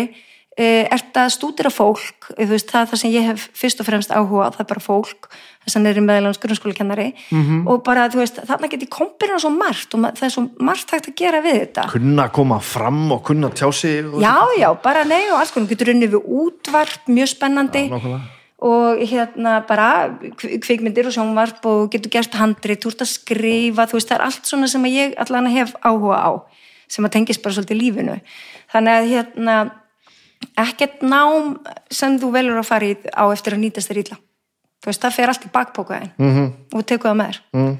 þannig að, en það er samt þetta viðþorf í samfélaginu að við þurfum öll að fara daldið í já, sama farveg Er þetta ekki einhver, einhver að leifar af einhverju gömlu? Þú veist, þú fórst bara sko fóreldrar okkar fóru bara og, já, já, ég ætla að fara og læra Ég veit en það var bara fyrir 50 árun síðan þá bara, þú veist, það að útskrifast með stúdenspróf var bara í dag nýja háskólagraðan, skilur Já, algjörlega, sko En svo fórstu líka og læriði bara að vera játsmiður eða Mhm. eitthvað og þá varstu bara játsmiður, sko. Já, Í dag er það ekki alveg þannig en, en ég, og þú veist er ekki alltaf líka vera að tala um þetta, sko að að fólk hafi bara átt eitt feril, sko. Þú lærðir bara að vera þetta hér Mhm. og svo varstu það, þá var 67 ára og þá varstu hann gamall. Já, fyrstu gullúr. Þá fyrstu gullúrið Já. og svo varstu gammal en þú veist, núna eru við, þú veist eiginlega bæði búin að tala um það og þú búin að tala um þessu pappa en sko, við erum ennþá bara, ég veit ekki þú veist, búin að læra þetta og nú er ég að gera þetta og svo bara morgun þá bara, er, nú ætlum ég að fara að gera þetta. En það er svo, það hafi ekkert verið, sko. Veist það líka, maður getur hugsað sko, og við erum svo heppinu á Íslandi vegna þess að við getum skráð okkur í Háskóla Íslands bara hvena sem er á lífsleginni mm. um, sumlönd hafa tekið fyrir það. Þau eru bara með aldurstakmörki í háskóla. What? Já, og bara eftir eitthvað tiltekin aldur þá, þú veist, færtugt eða fymtugt þá færð ekki yngöngu eða þú veist, þú veist að fara eitthvað aðra leiðir. Uh, vegna þess að það er náttúrulega bara fólksfjöldin það mikill og ásóttinu eitthvað. Ég kann ekki að útskýra það kannski alveg nóg vel. En mamma mín, hún er 68 ára gömul og hún er í doktorsnámi í þýðingum. Ó, það er svo briljant, sko. En hún er búin að þýða náttúrulega alla sína hunds og katta tíð, sko. Já, já. hún er náttúrulega bara þýðandi Íslands. Já, já, bækur og sjónvarp og ég veit ekki hvað og hvað. Og hérna, en svo bara er þetta eitthvað sem hún kann og ákvað að skella sér í dóttursnám og er að taka fyrir sálmaþýðingar. Þú veist, hvernig texti breytist í rauninni í meðförum þegar, þú veist, og það er svona menningarlega tengt líka. Hvernig þýðendur stundum kannski hafa bara rít sko eða tekið eitthvað út. Já, í sögulegu sammingi Já, bara, já, hún kann náttúrulega útskýra það betur en ég, en þetta er alveg mjög spennandi sem hún er að gera. Vá. En í námi, Já, og, og, og, líka bara að gera eitthvað meira nýtt, þú veist, ekki bara setjast niður og, og býða, sko einmitt. að því að maður sá þetta svo mikið bara einmitt hjá bara, bara ömmu mínur og afar sko. Veist, það var enginn að fara í nám eftir 60 sko. Nei, nei, og það það. var bara ekki þannig sko. Besti tíminn samt, börnin uppkomin og, Og þú ert búin að svona- frjál sem bara er með nokkuð góða heilsu Já, og, og þú ert búin að veginn finna þig í einhverju eins og þú tala með mömmuðina veist, að, og, og fara þá bara byggja hún og það og gera eitthvað Já. þú veist fyrir sjálfa svona já, og svo miðlar hún, ég menna hún er líka stundakennari og hefur tekið að þessi alls konar félagsstör líka og þetta er bara, þú veist, lífið byrjar, já, neginn eftir 60. Já, en líka þetta með námið, þetta með námið líka sko. ég, veist, ég hef, hefði vilja að einhverju sagt mér bara, farðu bara að gera eitthvað sem hún ennir að gera þú getur, þú getur gert allan fjanda við það sko. og ég hef bara ég ætla að fara að eðlisfræði böti í MA að því ég er svo góður í starfsfræði og ég gerði það og það, það er bara versta hugmynd sem ég hef, hef bara fengið sko. og svo bara flosnaði ég upp á því að því að fokk óli á engan áhuga á þessu sko. ég var gett góður í þessu og bara ok, Já, svo nokkur ári pásu á, best að ég fari hérna því ég er svo mikið græja í hljóðform og, og mögnurum og svona, best ég fari í rafmyndavirkjunni í skólanum. Og ég næstu því kláraði það þá var ég komið með bara já, þú vildir ekki, þú sást ekki framtíð nýf þessu. bara, mér finnst þetta aldrei gaman sko. En svo kannt eitthvað samt, þú tekur eitthvað með þér. Já, já, og- Eitthvað séður, og- þó að þessi ekki gráða. Þannig sko, en menn, þú veist, þarna var áhengið lág alls ekki þarna sko. Og svo þegar ég átti mjög stutt eftir því þá bara viltu koma og skrifa stundin okkar? Og ég bara, já, það er geðvikt það er alveg og þá stökk ég bara, þangað og bara, ok, Það er þetta er sturla. Akkur sagði mér enginn að þetta var í gaman, sko? Og þú veist, og síðan ég er bara búin að vera búið til sögur og, og stofnum hljónstir, sko. Svo og kannski gefur þú bara út bók? Ég er búin að, nú ok, ég vissi það ekki. Æ, það er alltaf leið já, ok. En, en þetta sagði mér enginn bara. Farðu bara að læra eitthvað Já. og hlöftu svo með það. Og það er þetta sem ég hef í rauninni áhyggjur af af unga fólkin okkar. Að það er þetta sko það er kannski, það þarf að hvetja það betur og það er þetta áhugaleysi. Mm. og það er eiginlega meira svona hvað langar að gera og hvernig ætlar að fara að því að gera það? Frekar en sko þú þarft að fara A, B, C, D og svo getur gert það sem þú kannski vilt gera. En hvað kallar þú bara, Ég veit bara, það ekki, sko, ég menna, mm, nú má ég örgulega ekki tala um, sko, tvítuðan svona minn, en hann hefur verið svona, uh, daldi setni gang, ekki alveg vita hvað hann langar að gera, nú veit hann til dæmis hvað hann langar að gera, hann langar að vera, hérna, um, hvað heitir þetta, uh, svona, þú ert með stóðkerfisvanda og ferð og lætur þroska, Nei, nei hérna hitt. sjúkurhjálfur já, já, já, hann langar að fara í það nám og það er svolítið hefi nám. Það Já, er já. bara eins og læknisfræði nám já. að vera sjúkraþjálfi. En hérna, en nú er hann í FA og allar að klára það hann hefur áhuga á heilsu og íþróttum og líka spekkingur loksins er hann búin að finna sitt sko. Mhm. en það hérna tók hann tíma og stundum þurfum við bara einhvern umhugsunarfrest líka og hérna en hérna og ég er bara reynd að hvetja hann til þess að gera nákvæmlega það sem hann hefur áhuga á sko já. og svo bara yfir stígumar þær hindranir sem að kannski verða í, í vegumanns Mm fyrir því að ná því sem maður vil en hérna mér hefur samt fundist svona, mér finnst að krakkar eigi að fá að prófa ímislegt á núna, ég meina fólk er ungt, vinnur á mörgum stöðum.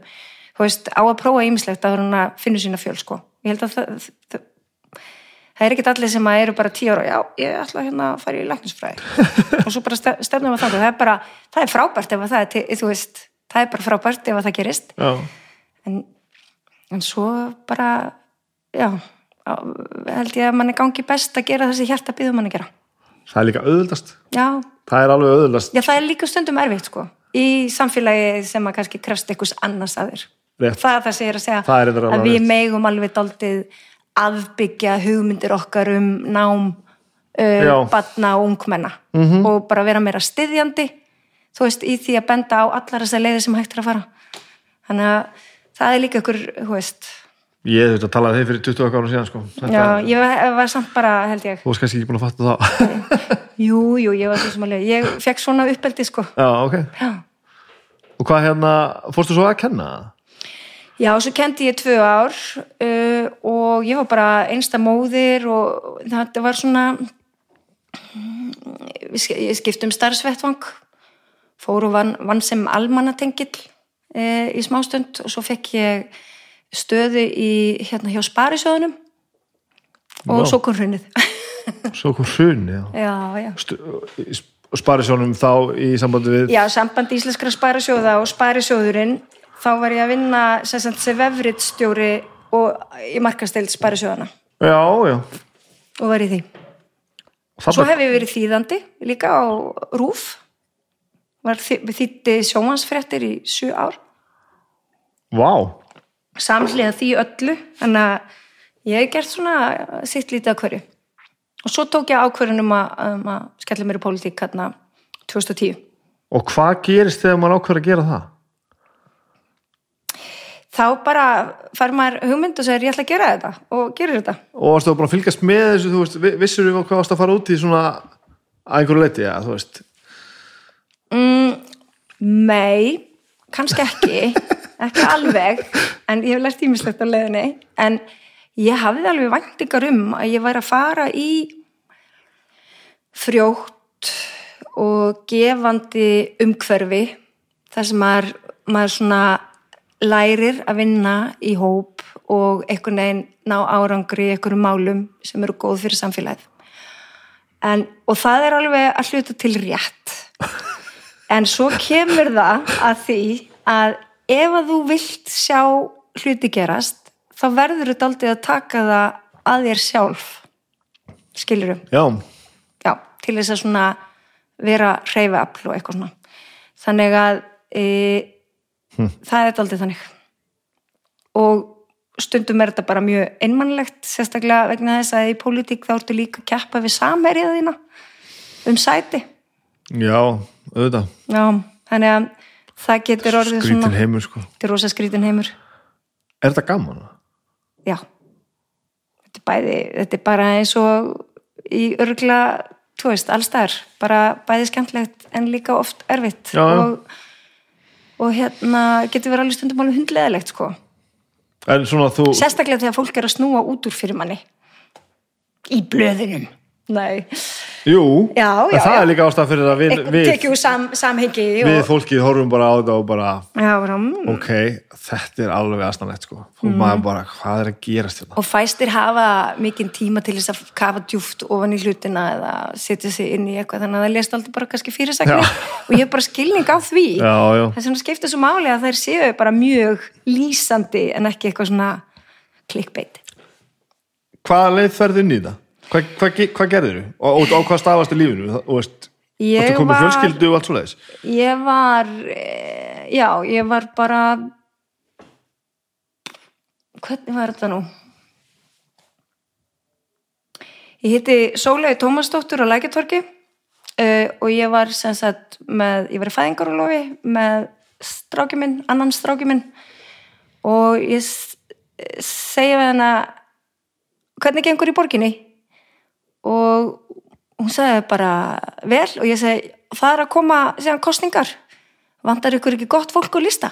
Jú, sagði hún, komdu, vertu með. Þekktur hann ekki það? jú, jú, ég hafði þekkt hana hérna frá háskóla árunum Þú hefur mínum. verið skrýtna, skrýtna Já, skrýtna konan, Halló? ég er alltaf skrýtna konan. Nei, nei, ég var búin að vera í Vafge síðan 2004 Þú veist, Já. skráði mig í flokkin Ok, Kynntist Katrínu Jakobsdóttur á, á fréttastofu Rúf. Mhm. Hún var sem sagt málfærsráðanutur og ég var þýðandi og við sátum hlið og einhver tíma þá ringd hún í mig og bauð mér að taka sæt og lista en þá var ég svona að reyna að fylgja fréttamanna draumum mínum og var í einhverju svona prófum hjá Rúf eh, og lista af einhver, í einhver tíma sko í síðdeis útvarpinu en, en þá afþakkaði ég það að því að þú veist fréttamenn þurfa að vera svo skvíki klín með ekki verið í leinu flokkum og ekki það er vist þannig.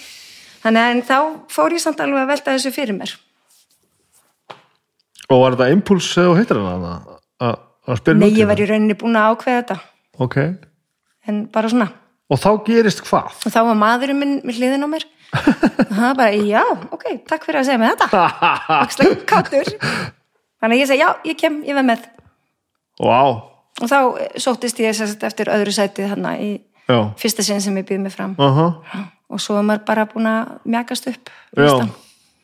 Og, og þú upplifir þetta þannig að þú ert svona einhvern veginn að að byggja hún á alltaf það sem þú gerir í fyrra að þú veist, þú ert alltaf svona að fara lengra og lengra og lengra. Já, ég myndi segja það. Já, já, að því að það er náttúrulega svo lengi læri sem lifir og þú veist, í þessu starfi þá bara verður maður se- sem betur fyrir betri og betri.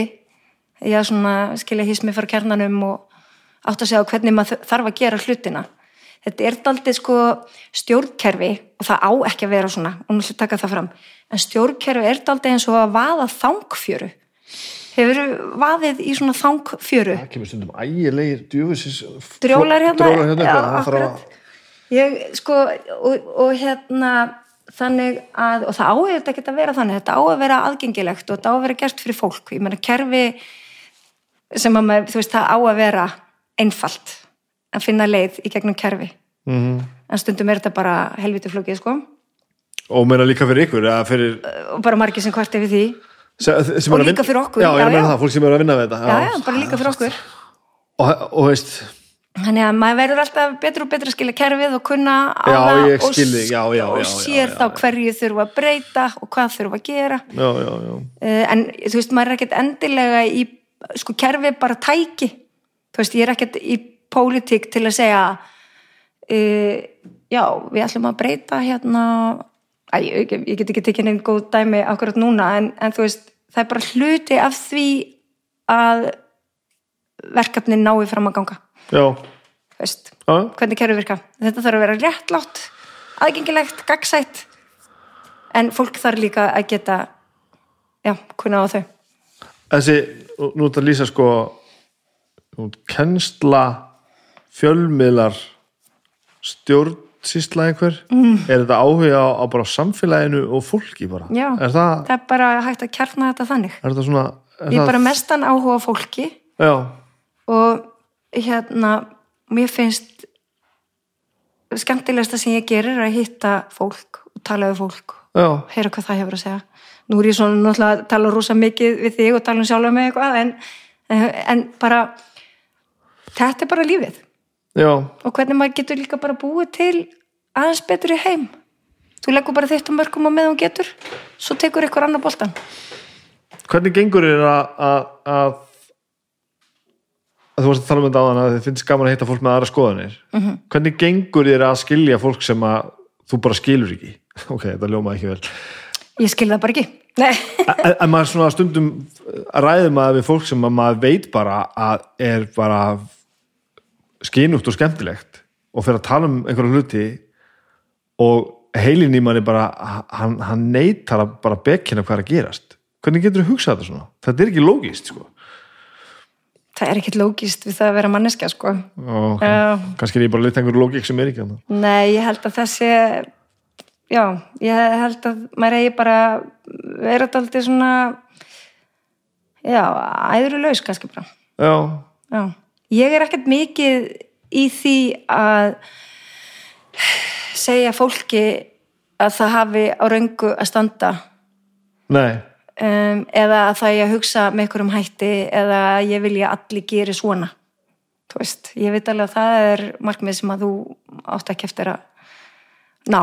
Mm en hérna ég veit ekki.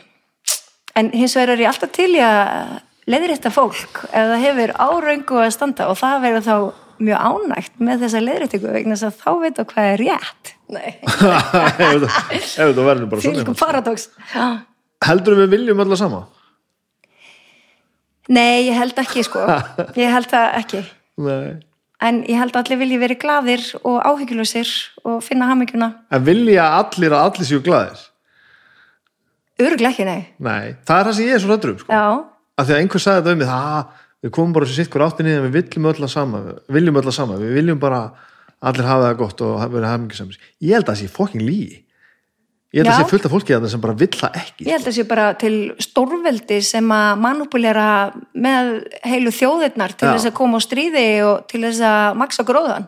Veist, það er bara þannig. það hræði mig mest sko Já. því ég get alveg skilja að við, við viljum fara við, veist, ólíka leiðir sko Og allt þetta bara kapplaup núna millir stórveldina, Kína, Rússland, þú veist, Bandaríkin, hvað gerist? og þeim er dörrullu sama um einstaklingin einhver staðar sem að býr einhver staðar sko Já, og oft finnst mér þetta líka bara minni skala bara fólk sem að stendur mann ótrúlega nærri sko, sem maður horfir á og bara þér er drullu sama hvernig ég hef það sko og það Já. er pínus, pínus úrt sko ég held að sé líka ágætt veganasti bara ef þú tekur þátt í stjórnmálum, sko, það er öllum drullu sama um þig, sko. Sko, stjórnmálum eru mjög uppteknir ofta því hvað þeir eru að segja og hvernig þeir segja það og eitthvað svona. Þetta margir síða það reyndar, en flestum er bara sama um þig. já, Þú veist, það er náttúrulega ekki fólk sem að stendu þið nærri, ég er ekki að segja það. nei, En sko, almenningi, mm, já það, það er líka bara, það er líka bara ágætt. já, en ma- mann er samt ekki sama að fólk fjandinn hafi það, mann er ekki sama með að fólki líki vel, þó maður þekki það ekki kannski er mann skýt sama Nei, nei, mér er ekki sama sko Nei. ég held að okkur vegni betur ef að Ef allir eru glaðir. já, ég held það. Já, allir sáttir. ég, ég bara að það þá sem erum við betra samfélag og þá erum við betri við dýr og börn og ég held bara að það sé auðveldra að vera ekki ég ef öllum öðru lífi vel. Já, veist, Ég ég, held- ég, fer pínu þang keðja sko. Já. við búum í samfélagi, já, við erum ekkert bara í tómarúmi. Bara svo enga vegi sko. ég bara segi, þú veist eh, stelpur eru kannski svolítið mikið svona ég menna bara, ég er hérna með ykkur að fýtukeppi hérna aftan á bakir og ég menna, og maður bara mm, mm. öllum saman það já, en mann er kannski ekki samið það sjálfum nei, já, ég skildi, ég skil hvað það segir. Já, já, já, ekki það, en nú er sko, nú erum við sem betur fer og ég held að við séum komið bara mjög langt með þetta með að við erum bara frjáls til þess að líta út eins og okkur hendar og okkur sýnist og bara við megum vera alls konar. Öllum stærðum og gerðum og það er bara dásanlegt sko. Að það eru allir með ykkur svona kompleksa en við þurfum bara, það er bara þessi vegferð sem við þurfum að fara. Uh, að sæ, sættast líka við svolítið sjálfan sig. Láti ekki alltaf samfélagi segja manni hvernig maður á að vera og að haga sér. Ég held að, já. Þegar þú komin inn í, inn í þessa vinnu eins og þú komin hann inn í í rauninni bara þegar þú byrjar að vinna í, í, í borginni, að að þú bara búin að fara í gegnum þetta allt saman, komin á staðinu og byrjar að vinna breytist þá hvað þér finnst og hvaða leiði þú vilt fara þegar þú fyrir að tala við fólki í kringu þig? Það getur alveg gert það, já. Og, og við kenni fólk það já, já, ég myndi alveg gera það. Já, ok. Já, já, ég get alveg sagt, heyrðu, ég hafði þessa skoðun einu sinni Já, en nú er ég búin að skipta um skoðun. Og það er alltaf lægi, finnst þér ekki að ég verið rými fyrir það? Já mér, mér, það er náttúrulega sem ég bara, það verður að vera sko. Já, já, já. maður upplifir svo oft bara af hverju við kennur ekki bara að þetta er verra? Að þú sagðir eitthvað fyrir fimm En ára það eru samt til nokkur prinsip, þú Ok. veist, í skoðunum hans, þú veist, og líka bara í stjórnmálum. já, Maður hefur prinsip. já, já hvað kallar þú prinsip? Bara til dæmis eins og, að ég veit ekki, ég á aldrei til dæmis eftir að vera þeirra skoðunar að við um að hafa þjóðkirkju. Ég bara vil að, sagt, að, aðskilna ríkis og kirkju, ég veit ekki, og þetta er bara algjörst prinsipmál fyrir mér. en er það ekki samt og ég á ekki eftir að skipta um skoðun í því en það er sko að, þá kannski komum við aftur að því þegar þú hérna axlar ábyrði stjórnmálum og ert í eh, margara flokka samstarfi uh -huh. þú veist, hérna sumt í kostningabaróttu eða í stefnu flokksins er bara algjört prinsipmál já. og þú getur eiginlega ekki horfið frá því og kemur það ekkert upp að þú svona þá bara leysir mig sko, já, ég, ég meina, jú, jú, en það sem að liggur alltaf til grundvallar er þegar þú axlar ábyrðina í, með öðrum flokkum, það er eitthvað ég og þá ég mitt. bara ætlar að gera það sem að er í sáttmálanum. Ég get nefnt eitt dæmi, það er til dæmis eins og um, núna í meiri hluta sáttmálanum okkar að þá til dæmis við, við erum að vinna með viðreist og viðreisn er bara vill engaskóla Mhm. og við í Vafki segjum sko, við viljum ekki borg, að fólk borgi fyrir mentun sína. Mhm. það er prinsipmál en ég meina við náum engu, ég, með, ég er eini borgarfulltrúi vinsti grætna ég meira hluta þannig að við svona mættumst eitthvað neginn í það þegar ég vil lækka álögur og barnafólk. Mhm. og hérna þannig að við stigum alveg skref í þá átt en við afnámum það ekki álögunar e, á meðan sko hérna við höfum í rauninni látið það liggja mellir hluta það verður ekki gerst á þessu kjörtumbili að fjölga engaskólum þannig að það er þá bara látið slæta í bili að það er það verður bara ekki, þú veist, Já. já. þannig að við bara, þú veist, við vitum hver ágreiningurinn er, það sem við hérna settum í samstarfsáttmálan, það er það sem við ætlum að gera já, og ekkert umfram það. og þetta gengur alveg Og það Að er til dæmis eins og, já, já, til dæmis eins og um, að frístundaheimilin, það er rukka fyrir þau í Reykjavík. Og einhver annar flokkur sem er í minni hluta leggur fram tillögu um það að annum að gjaldtöku þar. Og það er ekki að borga fyrir frístundaheimilin. Mhm. og ég minna í hjarta minni þá myndi ég vilja samþykja þessa tillögu. En viðreist myndi aldrei vilja gera það. Já, þannig að við bara samt fellum hana. Að þetta er ekki samstarfsáttmálanum. Skilur hvert er að fara? já, já þetta er eitthvað sem að ég þarf bara að vita sko. Þú veist, nú til dæmis lífum við bara talsveit betur eða er að horfa á svona mál sko, að þetta er svo það er mikið ekki vegna þess að ég er eitthvað búin að skipta um skoðun varðandi frístundaheimili Nei. það er bara að þú ferð inn í eitthvað samstarf og og þið er að ákveðið eitthvað hvað þið ætlið að gera á kjörtjömbilinu og þá er settu fókus á að gera það. Og líður þér þá bara eins og þú sérst í rauninni bara fresta þessu máli já, þú- í rauninni. Já. þanga til að við leysum það eitthvað með þetta er mál, þú veist, við eigum eftir að sjá þetta gerast. Já, ég er sko samferð um það og fólk eigi eftir að átta sig á því að, að mentun í skólakerfinu, nei, sem þetta hérna gjaldaka í skólakerfinu eigi að vera engin. Mm -hmm. ég er algjörlega samferð um það sko þetta er mjög heillandi þegar maður fær þetta svona þannig að maður skilji þetta sko. Að þegar maður við sem að vitum ekki neitt og, og kynna okkur málið, við maður horfum bara á þetta nú er bara að vera að rífast og slá heins, bara haustum við vegginn sko. Já, eða þú veist að vera með eitthvað svona blammingar, já, Vafki feldi líka, mína sko. um frístunda heimilinn og eitthvað svona og það sem er, já, það er út að dóttlega er hérna í meirhluta samstarfi og við bara erum með annað að genda annars þar. En er það einhver vettvangur fyrir þess að útskýra þessa luti? Nei, þú veist, það er allt í fyrirsögnum og það er aldrei tími fyrir það. Það er oft lítill tími. Mér manni líður þess að þetta sé bara svo að tíminn fara svo mikið bara eitthvað karp það er bara, hlustaðu bara allavega á er að segja áður og ákveðu hvort þú eða sammála þetta er bara svona ég bara, ég veit ekki hvort ég er að segja eitthvað sem ég má ekki segja þegar ég var út í Eurovision með, með óttari sko. Hann var, hann var bara ráþæra þá sko. Já, einmitt, hvernig það var. Heilbrigðisráðherra. Jú, allavega var það ekki. Í hann að stutta samstarfinu.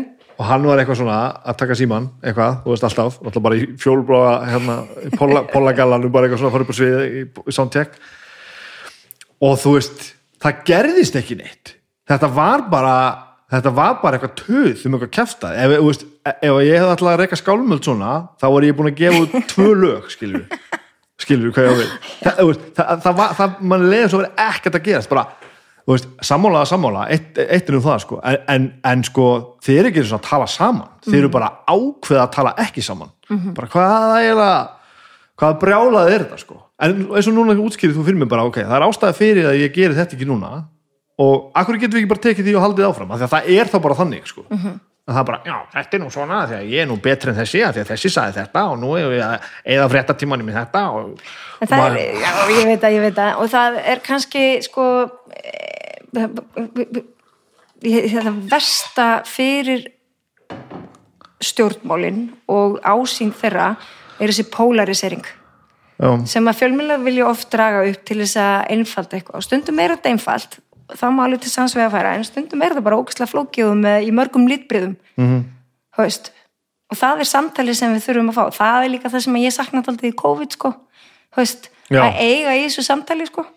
við ekki bara sko, félaga mín í VFG heldur bara einhvern veginn við samfélagið að fara út meðal fólks Haust, ná heita pottinum umræðinni þar þannig að hérna já en það gefst oft lítill tími fyrir það. Það þarf alltaf að harðsjóða allt og ytta allt í fyrirsagnastíl sem maður ná í gegn. Og svo er ég svolítið að velta fyrir mig sko, já, hva, hver er því fyrirsagnir hérna af okkar viðtali? Hmm. já, fyrir að taka það með þér inn í daginn. Já, Hva- þetta er svo langt sko viðtal. Við erum búin að sitja svo lengi og kæfta svo mikið. Já, það á að vera þannig sko. Ógisla flókið. Já, en það er kannski við það sem er ástæðan fyrir að ég er að gera sem ég er að gera hérna að ég nenni ekki þessu fyrirsagnum svo er þetta sögulegar heimildir. Sem ég er að gera hér? Já, ég bara, ég er bara ekki svona háflegur sko. en það er samt alveg partur að því að ég er að gera sem ég er að gera hérna er þetta, að ég bara, þú veist ég sé bara eitthvað stutt viðtal við því og ég bara leið skil ég ekkert, það er mér að kenna að því ég nenni ekki að setja minni í það. Einmitt. Sem er satt sko. Já, já. en líka bara, þó ég skilji þetta þá er ég samt að fá bara einhverja einhverja svona, já, ég veist við takk fyrir út að segja þetta sko en Mhm. uh þegar þú heyrir fólk segja þetta og ég er ekki bara að tala um pólitík, nú er bara að tala um allt Mhm. þá allt inni bara, já, nú skilji ég okkur þú ert að fara okkur kemur það sem- átt að koma sko. Og það er nefnilega spennandi að það er líka að vita hvaðan fólk kemur vegna þess að þú skilur það betur og hérna getur freka meðtekki skoðanu þess. já, já, Við sjáum þetta daldið í sko alls konar svona einmitt polariserandi umræðu eins og til dæmis bara um veganisma já, eða um þú veist, trúfélög. Eða þú veist, þetta er, alveg svona nokkur topic sem að eru oft mjög polariserandi Aha. Já, því þarna veganfólki vilji bara allir séu vegan? Og veganfólki er bara mm, oh, nei. Þú veist, en það er bara alls konar ástæði fyrir því að fólk er vegan og það eru alla mjög góðar. Skilur já, já. og svo bara, já ég er bara með þannig ófóla, ég get ekki verið vegan og það bara, um, ok, en þú getur samt, þú veist, að við getum öll gert eitthvað, að- þú veist þetta, það er bara einmitt svo mörg litbriði hann á milli. Þetta er ekki bara annarkvort þetta vegan eða ekki eða, þetta þurfum að tala, tala um lífið allt sko. já, já, já. Að þú veist, ég sem að mér finnst kjöt gott sko. Ef ég veð inn bara, ertu vegan? Það er bara astanlegt. Þú veist, hvusla segila röksemt að fæsla er þetta. Já, já, A- að því þú veist, auðvitað er rosalega margt sem er gott við að vera vegan. Og ég hlýt bara sem hugsandi manneska bara fatta það sko en vegan manneska lítur líka að sjá bara það er frábært að bara kjöt, því finnst það gott þú veist, og það er bara alls konar gott að þetta gera við kjöt og vera ekki vegan, það er bara mjög skemmtilegt því að ostur er góður, þú veist, fattar ekki hvað er að fara. Já, já. en manni líður oft þetta bara allt við veganisma er hræðilegt. En það er þetta umburðarlindi sem að skortir. Það skortir svona svolítið umburðarlindi í, í umræðum. Þá er ég að tala um umræðana sko. og upplifum maður þetta þegar maður er í kringuðin í stórmánum já, já, ég hef alveg fengið á mig einhverja skelli sko, þú veist. Uh, en þetta fylgir bara starfinu. Ég, ég er, tekið ekkert inn á mig. Þú hefur samt alveg tekið stundum einhver svona skref það sem að þú fer svona þess út fyrir normið og alveg komist í fréttitan fyrir það? Já, já, ég hef alveg gert það. Og er það, þú veist, er það pöngari sem er inn, býr einhverstaðar inn í þér eða ertu bara Ég er auðvitað svolítið kvatvís sko og á það alveg til að vera kvatvís en mér raunverulega, ef, sko, það er svo gott að standa með sannfæringu sinni, alltaf þó að hún sé kannski erfið í umræðinni þá er það alltaf langbest og þá líður manni vel að þegar maður er búinn að skoða hlutina og er bara komin á einhverju niðurstöðu. Þannig að hérna, það er alltaf gott að taka þá umræð og það er alveg sama hvað fólk segir og hvað skoðun það hefur á manni sko. Já. já ég fjakk nokkuð fljótt svona harðanskráp já, þannig að ég stundi fyrir í kommentkerfinu og er bara einhvern veginn að gerir það? E, að- já, já, ég gerir það alveg auðvitað, og, bara þetta er allt fólk sem þekki þig ekki. Og finnst þetta gaman eða? já, já, það er oft stundu svolítið kjánalegt það sem fólk er að segja. Ég er nefnilega, ég, nú, nú er ég alveg með sko. Já, finnst ég bara, hvað, er, hvað meina maðurinn? Það er, ég veist, oft mjög gaman þessi skipti sem að ég hef eitthvað sagt eða gert eitthvað sem að einhver hafi skoðun á. Ég, ég, en það er vissulega mjög oft orðljótt fólk og ég bara bara alveg svo það átti sig ekki á að það sem að stendur líka á internetinu það er ekkert að fara.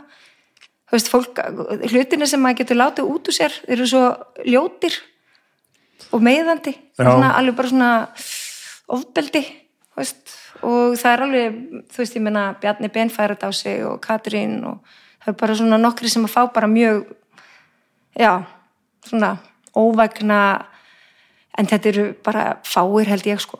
Eða ég vona það. Þetta er rosa skrítið ég myndi að lesa þetta sko. Það er eins og fólk haldi bara að standi bara heim í eldhús, eldhúsinni á sér og sé að segja eitthvað sko. Eitthvað sem fer ekkert lengra sko. Uh annarkvort það, eða fólk fólk er bara í alvegunni bara alveg saman þeim finnst þetta bara til leið og það hræði mig sko. Það hræði mig líka. Já.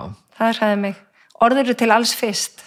Þannig að við þurfum að vanda orðavalið, þá er ég ekki að segja að ég sé að taka hérna fyrir tjáningafrelsi ég er bara að segja að þú veist það baði stundum enginn um að tjá þig.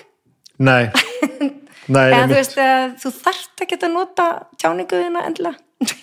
Ég held að það sé gott fyrir fólk að hugsa sér tvisur um aður en að setja eitthvað í kommentkerfin ég var einmitt, að hún er jarðskjáltamál hérna þetta er svona típist svona, það var- þetta er miklu saklusara sko. En það kemur jarðskjálti sko. Og þá og svo kemur ykkur, já, samkvæmt fyrstu mælingu veðstofunar, þá er þessi skjálti 5,7 og bara, nei, nei, nei, nei, nei, hann var nú þú veist, ert þú að hafa skoðun á því hvað jarðskjáltin var, ég, fann nú þrjá skjálta en ekki tvo, bara ok, takk fyrir að setja þetta á internetið, þú veist, en þetta er svolítið það sama bara, að einhvern veginn bara það er enginn að byggja þig um þessa skoðun, bara hvað er þetta að segja þetta, Hverjum gagnast hún? Já, hvað var- gerur þetta fyrir umræðina? þessi hérna, þessi, þessi punkt tendasarðinni að ulla á fólk og svona já, er þetta, er þú er hann að hræra upp í, í því sem að gerast eða, eða ertu bara í stöði bara, þú veist, alls ekki. Ég bara er, held ég taktu mínu gegnum þetta ullimál hann það var í rauninni bara á lokuðum fundi og hérna og uh, ég, þetta voru bara eitthvað svona viðbröð við eitthvað sem að ég var svo flabrigæstið yfir að ég bara og svo eh, starði Marta svona á mig ílskulega og það var allt svo eitthvað kjánalegt að ég bara veist, bara veginn get over it ull, þú veist nema það að það er náttúrulega nextluðist óurlega og hérna annars þetta sé bara dauðasind, áttunda dauðasindin að ulla veginn eins og það í alvörinni skaði veginn, ég menna ég ulla stundum á bönni mín og bönni mín ulla á móti og maður bara gera alls konar eitthvað. Og hérna og þetta var svo sem merkingarlöst í mínum huga. Já. algjörlega. Það sástu eftir, eftir þessu? Nei, ég sá ekkert eftir þessu. En ég meina, ég raunverulega hjælt að hún væri, hefði tekið þetta nærri sér en ég meina þá var hún bara að gera þetta í einhverjum pólitískun tilgangi. Og það bara, það var kjánalegt. Það er alltaf það sem er svo fáralegt að því að, þú veist, ég eitthvað mun, og bóka um það í fundagerð borgarans. Það borgar fyrir svo illur ég var sem sagt að vera að það, þú veist það hefur verið að jarða afabróðu minn þennan dag þannig að ég þurfti að fara að snemma úr borgaráði þannig að þú veist ég var ekkert eitthvað að fara að gagbóka og segja bara eitthvað en það sem að er í rauninni í borginni í samþyktum og þá stendur að þú átt ekki að greina í ummæli einstakra fundamanna inn á fundum sem er alveg bara sangjant sko vegna þess að þú getur færa rámt með og sagt að einhver hafi sagt eitthvað og þetta er lokaða fundur Já, já, já. og skilur það er bara sangjant sko og þá að samaskapi ef að einhver er svona svipríkur eins og ég ég er með alls konar þú veist bara þú veist ég bara kona sem að nota líka mann ókslega mikið því ég tala. Mhm. að þá að samaskapi þá er hún að greina frá einhverju statementi sem hún hefði ekki átt að gera. Já, já, já, þú veist? Sem er kannski, já. Já, sem er svona bara vannþóknun mín í rauninni á hvernig hún hegðaði sig gagvart mér og því sem hún sagði áður sem að vera ekkert fallegt fannst Nei, mér. einmitt, og ég var bara ósátt við það og sagði það á fundunum, ég get alveg vitnaði það sem ég sagði. Ég, að mér finnist að, að borgaráðsfulltrú ætti ekki að tala með þessum hætti um starfsfólk borgarinnar eða hvað það var, nú er ekki að fara í eitthvað sauman á þessu. Og það vist komið við kaunin á henni þannig að hún bara horfði á mig yld á brún og starði lengi og það var óþægilegt þannig ég vil á hana það var bara astnalegt mér finnst bara astnalegt hvernig samskiptir fólkstundum eru þú þannig ertu samt að segja mér eitthvað sem að gleði mig pínu. Það er það að það er allavega eitthvað svona human element í því hvernig, hvernig svona þessi fundir fara fram. Hún er allavega verið pyrru við því og þú urlaðar á hann móti. Það, og þetta, þetta, liggur- það liggur við að þetta moment gerir það að verkum að ég fá einhverja trú á það að þetta virki, sko. já, Það sé fólk að tala við fólk. já, já sem það er Já. En það er líka bara ógeðslega hallarislegt að bóka um það. Já, ég skelfi við það, sko. það er gert í pólitískum tilgangi í rauninni til þess að koma að höggja á mig vegna þess að það getur alveg verið og það er gamaldags pólitík finnst mér, flokka að vera bara að upphugsa eitthvað í kostningabaróttu hvernig getum við komið höggja á þennan? Hvernig við getum við sagt að, að þessi sé ótrúverðugur eða ekki marktækur og Akkurat. dreigið úr þannig áhrifum hans Það er náttúrulega að hitta naglan Já, og, höfuðið, sko. og það finnst mér vera sko, hérna eh, bara sm smámannalegt mér finnst það bara að vera smámenni sem að þurfa að rífa aðra niður og upphefja sjálfa sig þá á, á þeim og hérna og, og, og það er líka ímislegt svona leðilegt sem fylgir kostningabartu og ég þurfti að upplifa það alveg.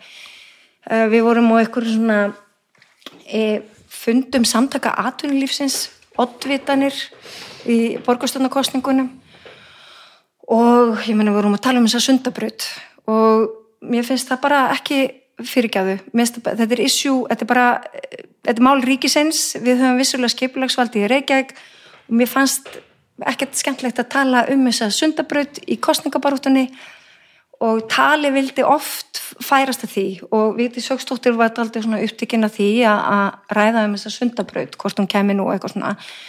Og ég var búin að vera með henni ofta á einhverjum pólitískum fundum og, og heyra hennar mást þannig að ég einhvern veginn svona gjóði augunum kannski pínlut og, og bara glotti, ég veit ekki hvað ég gerði að ég var ekki að horfa sjálfa mig og ég bara, maður bregst við þegar fólk segir eitthvað, lifti brún eh, þú veist flissar kannski eða segir, nei, heyrðu nú. Það er mjög mannlegt, þetta er bara samskipti sko. Við erum ekki öll einhverju spýtukalla bara á einhverjum frambóðsfundi, bara steinrunnin í framann, við erum, við stöndum við e- gerum, við hreyfum okkur við erum með svipriði og þá tók Sigurður Hannesson sem að er fyrir samtök yrnaðarins hann kom allt í einu ringir í mig bladamær já við fréttum það að þú hefði bara verið að ránkvolfa í þér augunum á þessum fundi og síngdir öllum óvirðingum með, með því og ég kom bara fjöllum í alvörunni. Og svo fór ég og horfði á þess að þetta var allt saman tekið upp og ég bara, mm, nei ég var bara rosa sæti skýrtunum minni að vera ég. Mhm. þú veist, og þá er þetta eitthvað svona þá er þetta markvist til þess að koma að höggi á eitthvað, ég meina ég bara þessi sundabrautar umræða, mér fannst það bara mjög leðileg kostningabaratunni, ég verð að segja það. Og ég bara er þeirra skoðanur að þetta sé alltaf dýr framkvæmt sem að gagnast mér fáum og eftir að auka umferð. Og ég er alveg til í að skoða þessa sundabrú kannski ef að hérna borgarlínan fer yfir hana bara og hjóland og gangandi, þá kannski já, ég, skal, ég er tilbúin til þess. En ég minn 21 miljardur allt í lagi, ok, það er hægt að gera miklu fleira fyrir þessa peninga og ég veit þetta er framkvæmt og þetta er þú veist einskiptis og eitthvað svona, en það fyrir líka viðhalda vegum og eitthvað, og nú, nú bara fer ég á flug með þetta. En að koma svona höggi á með einhverjum frétt, fréttamæður ringir í herðu, varst þú hérna að gjóa augunum og rangfól og ég bara og ég er alveg að bregðast við þessu þetta er, þetta er, þetta er, þetta er mjög merkilegt Þetta er rosalega skrítið, en þá er einhver, fannst mér alveg að vera bara einhver lína. Heyrðu, hún er ómarktæk. Hún er bara, já, skilur það bara er bara að mála einhverjum hann. litum þannig að það er ekkert að hlusta á hana hún svona, hún hefur ekkert fram að færa. Hún er bara eitthvað, veist, og það gert það sama við Jóngnar og ég meðan þú veist það, og svo bara þarf fólk að átt að sjá, ég meðan við erum öll mannleg, það verður að vera umburlind og svolítið sveigrúm fyrir því og það er einmitt fólki sem við viljum fá að borðinu í stjórnmálum. Það er bara öll flóran. mm, en, en Ég held að það geti leitt að sér góða hluti. að þú ert að tala um þetta, þú veist, þetta, þetta er þá þú veist, túlkað sem dónaskapur sko Já, já. en, en sko, En ekki svipriði eða viðbrögð við Nei. að þú geti lesið í, þú veist, líkamstjáningu fólks eða eitthvað nýjum en, svo, en svo líka verðist þér að í lægi ef þú pródusir að dónaskapur nógu vel sko.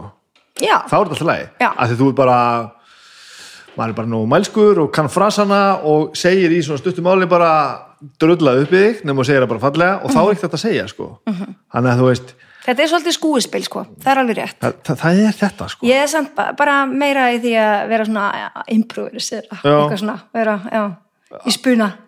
Frekar en að vera með eitthvað svona kalkulerað handrit, sko, sem að ég fyrir eftir. og virka það, þú veist ert aldrei að skemma fyrir þér? Öruglega. Þú veist, fannstu til dæmis það að þetta, myndi skemma, þetta hefði skemmt fyrir þér? ég, kannski, ég meina kannski gerði það en ég meina sko, ég vil ekki tapa sjálfri mér Nei, við það eitt að stiga inn á svið stjórnmálana ég vil vera ég og ég vil þá, sko, og bara ef að fólk samþykki mig þá ekki þannig mhm, og tekur mig og hérna fyrir verk mín og því sem að ég nægi gegn og get látið gott að mig leiða. En er frekar þá að, að hérna agnóst út í einhver smáatrið sem bara fylgir því að vera manneski og, og vera maður sjálfur. Að þá kannski bara ég veit ekki, þá er þetta ekki vettvangur fyrir mig. Eða Nei. þá kannski á ég erfitt með að sjá að, að við séum að breyta stjórnmálunum að afbyggja staðalmyndir að þú veist að hérna okkur hafi mistekist að hafa fá, þú veist alls konar fólk með. Mhm. þú veist vegna þess að stjórnmál er ekkert bara fyrir ykkur eina típu. Hvaða fólk er það sem að hérna, les fréttinur og segir hérna, hérna já, hún var nú ulla hérna á einhvern í, manna, í, í þessari fínu fínu vinnu sem maður er í hérna Vá, hvað ég er sammála þessari hérna afsakaðu mig leiðilegu mannesku sem ákveður að segja, herru, þetta ulla hérna eitthvað, ég ætla að setja þetta, ég ætla að skrifa þetta niður og ég ætla að setja þetta hérna í einhverja skýslu. Þú veist, hvaða fólk er það, bursið frá skoðunum, sem að þú veist, stiður við svona leiðindi? Kannski pólitískir andstæðingamanns Já, þú, og þá er þetta svo leiðilegt sko. Og, og, og kannski er ég bara á þeim einhvern veginn þar í, í, í samfélaginu en ég meina ég sé svona, svona því ég sé, sé svona vélrænan kall í jakkafötum, segja alla frasana þa, þá verð ég bara ég er bara brjálaður sko. af því að þú veist við hvað er ég að tengja hérna og, og þá er spurningi bara hver vill þetta? En það, ég veit ekki, en það tók líka alveg steinin úr þegar stöð 2 ringdi mig og baði mig um að koma í beina útsendingu og standa við hliðin á mörtu til þess að tala um hvað stemmingin í ráðusunum væri vond, Já, já. sem hún var bara alls ekki. Það er bara þessi minnuluti kom einhvern veginn grár fyrir játnum og ætla sko aldeilis að að gera allt vittlust og það má alveg og það getur alveg verið gaman þú veist, en þetta var bara eitthvað og ég bara, nei, ég tek ekki þátt í svona kranablaða, menn sko. Ég bara, hvað, og ég að standa hann eitthvað og uh, líf uh, getur þú sagt okkur, okkur eru þú ullar og mörtu? Svo bara og svo horfði ég þetta viðtalum kvöldið og þá var Marta eins og bara kettlingur í rjómaskál. Hún hafði alveg gaman af þessu og nú ætla ég reyndar ekkert að leggja henni tilfengað í téð að tólka þú veist það var bara mín upplun að því að mér fannst hún verið eins og kettlingur rjóma, sem hefði komist í rjómaskál. Og, og, og hlusta á viðtalið og svo kom bara já og svo ulla hann og oddvitan minn líka. Eða Þór sem sagt. Og, og, ég skal alveg gangast við því. Vegna þess að eftir jarðaföruna, þegar ég kem úr jarðaförunni að þá kem ég sagt aftur í borgarað uh, til þess að ná ég eitthvað dót sem, að, sem, ég var með þar. Og þetta var náttúrulega bara svo asnælega upp að koma. Og eithór einhvern veginn svona horfiði á mig og, og það bara horfiði á hann og að raka út með tunguna. Að þetta var bara svo kjánlegt. Þetta var eitthvað grín sko. Það var bara grín. Og hann bara hló. Já, já. ég held að hann hafi ekki tekið þetta næri sér. Ég held að hann sé ekki að vinna úr þessu áfalli Nei. í dag þessu rosalega áfalli að fullarum mannskja ullar að þig. Hvernig er að koma heim bara þegar að, þú veist, ég er ekki, bara ekki að tala um bara um þessi, þessi mál, sko, en bara svona þegar að, þú veist, er einhver hasar og þú, maður er bara í fjölmiðlum og það er bara fólk sem er bara ósamáli manni og kannski mögulega bara svolítið rætið, nærðalega að fara heim bara og vera bara, vera bara heimilið og, og ég, ég gæti ekki sko, ég kom alltaf með allar mínar byrðar einhvern veginn heim og hérna dömpaði þeim öllum og manni minn bara mm. og eitthvað svona, en ég er hætti, ég er bara ég nærðu þá bara að skilja vinnun Já, eftir ég eða? gerði það bara. Já. ég gera bara stundi get ég eitthvað verið að reyta hár mitt en þeim skiptum fer fækandi, nú er ég bara með annan farveg fyrir það ég tala þá, þú veist, við samherja mína mm -hmm. félagi mín í Vafge ég tala við fjö, hérna fólki meiri hlutanum maður á sér svona trúnaði vini ég fór náttúrulega aldrei í pólitík til að eignast vini en þú veist, það gerist alveg En af hverju húst í politík? það er bara ég, mér finnst allir að taka þátt í pólitík mm. ég fór í pólitík ég kem fyrst og fremst í, inn í pólitík út á mentamálum Já, það er, það er þannig. Það er alveg já. Já, ok, ok.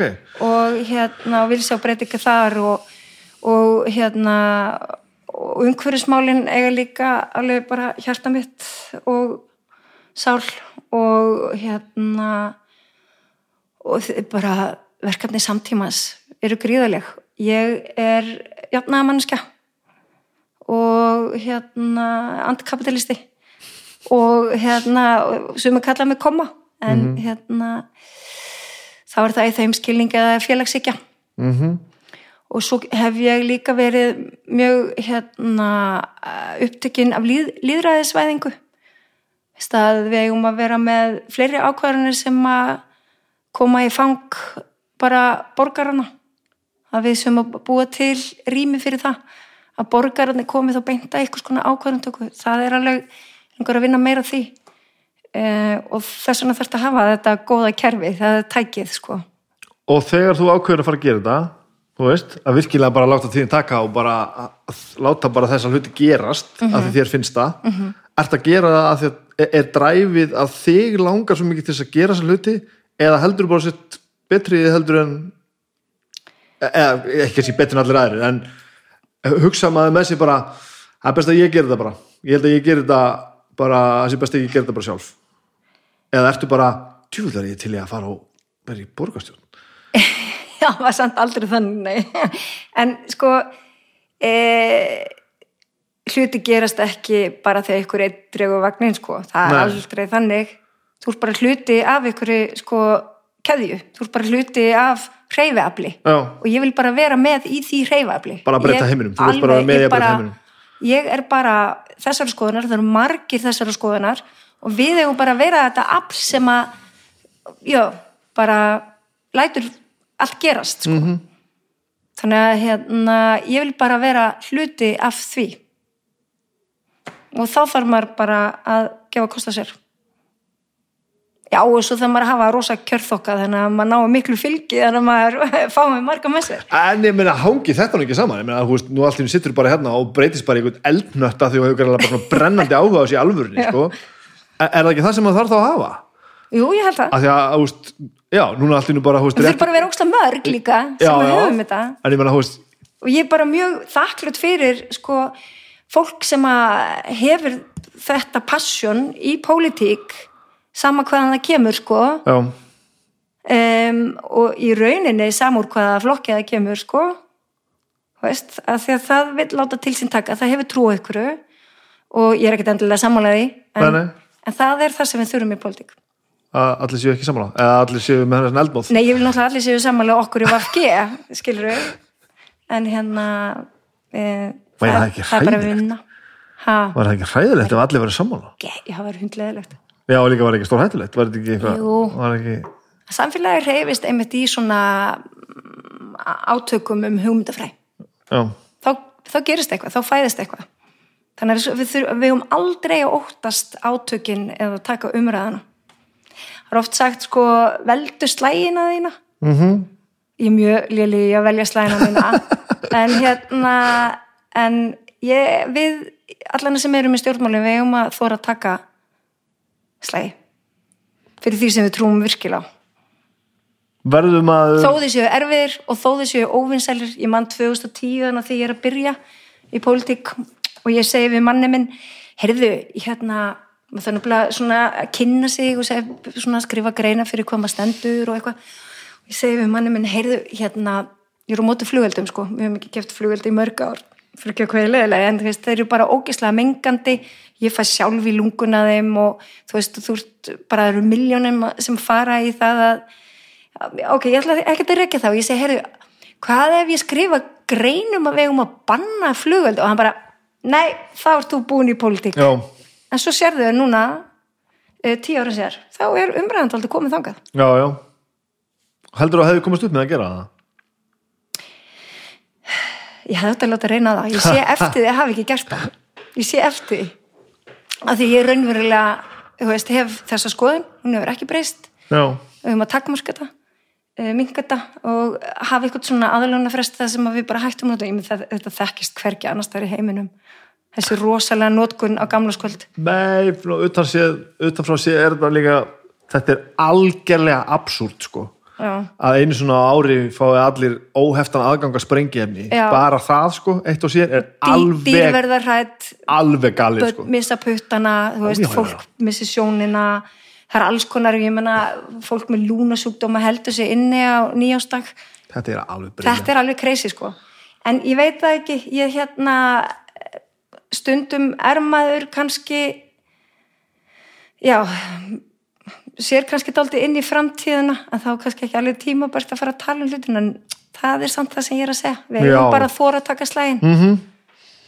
allavega að skapa umræðu verður maður, va- varstu e, e, litast allt lífið að þessu þegar maður fer, þetta verður vinnumann, vinnamanns ertu alltaf að hugsa um bara hm, það þarf að breyta þessu, það þarf að gera þetta já, og var það ekki þannig áður eða? jú, jú já, ok það er líka alveg bara, ég er ókslega ósátt við þetta og þá bara, hvernig ætlar að breyta því? Já, ok, best að ég færi í pólitík. Þetta var þannig. Þannig að ferillin hefur verið þannig. Þú, Þetta var dálítið já, þannig. Já, að ætlar, eins og ég sagði hann einhvern tímann um, fyrir viðtalinu að þá, sko, að því þú spurði mig sko hvort það væri bara, ég hefði bara óbyldi trú á að ég gæti breytt hlutunum uh -huh.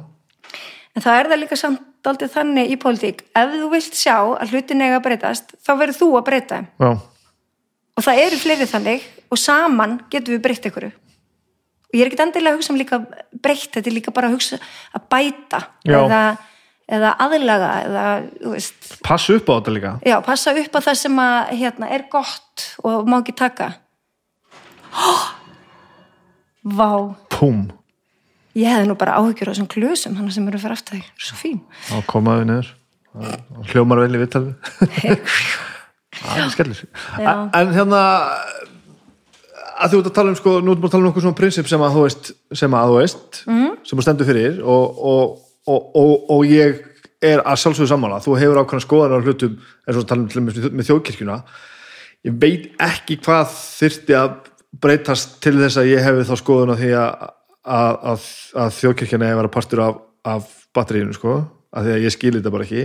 Það er til dæmis það sem að ég er ósatt, ég vil nýja stjórnarskrá, en ég er bara mjög ósatt við það að, að þjóðkirkjan rata þar inn. já, Já, ég sá fyrir mér að það myndi breytast. Hún, og ég meina flest ríki kringum okkur eru sekular, ég meina það bara ég veit spánveru bara hvað er þið með þjóðkirkju stjórnaskara, hvað er það? Ég meina það bara er ekki neinn ríkistrú sko, samt eru þið mjög katholskir, ég er ekki að segja það, en já, ég, ég bara hef alltaf haft þessa skoðun og bara hef hann enn og þetta er ekkert eftir að breytast og ég veit ekki, það þarf þá að væntarlega að nást eitthvað meira hlut á alþengi til þess að fara í það að aðskilja ríki og kirkju já, já, flokkar sem að hafa þá stefnuskanum sem sinni. Ég meina við erum ein flokkar sem að setjum á alþengi vaffgefum að Íslanda að fara á NATO þannig að þú sér líkurnar á því að það gerist já. mm. En það er á þessi, þessi hlutir sko en það er bara þú veist það er líka að færa umræðina Já, haldið svo bara einhvern veginn að, Já. já, Já. algjörlega sko. En hvað þá með hlutina sem að er ekki alveg svona afgerandi og, og, og maður svona gæti skipt um skoðun? Það gerist bara í á leiðinni, í samtali eða eitthvað. Og það þú eru oftast kannski litli hlutir. Já, já, og þú veist og, og gerir maður það, gerir það já ég get alveg tekið rökum sko. Já. ég er ekki ekkert mjög einstrengingsleg sko. Mm, já já, já, ég man nú samt ekki neitt dæmi.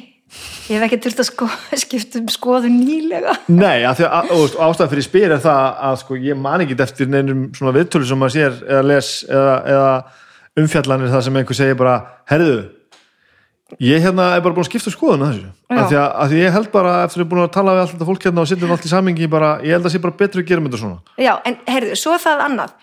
Þú getur kannski sem fulltrúi almennings um, um, þá þarf þú kannski ekki að skipta um skoðun en það er samt eitthvað meiri hluti sem vill Já, eitthvað já, sem að þú kannski stendur þá fyrir sem að þú þá hérna getur samþygt Já, að sé já. innleitt eða verði gert af því að það var bara eitthvað svona líðræðislu vettfangur sem að ákvaða að fara þessa leið þó þú verir veist, hefðir aðra skoðun á hvað veri farsælast. Mm -hmm. það er annað mál sko.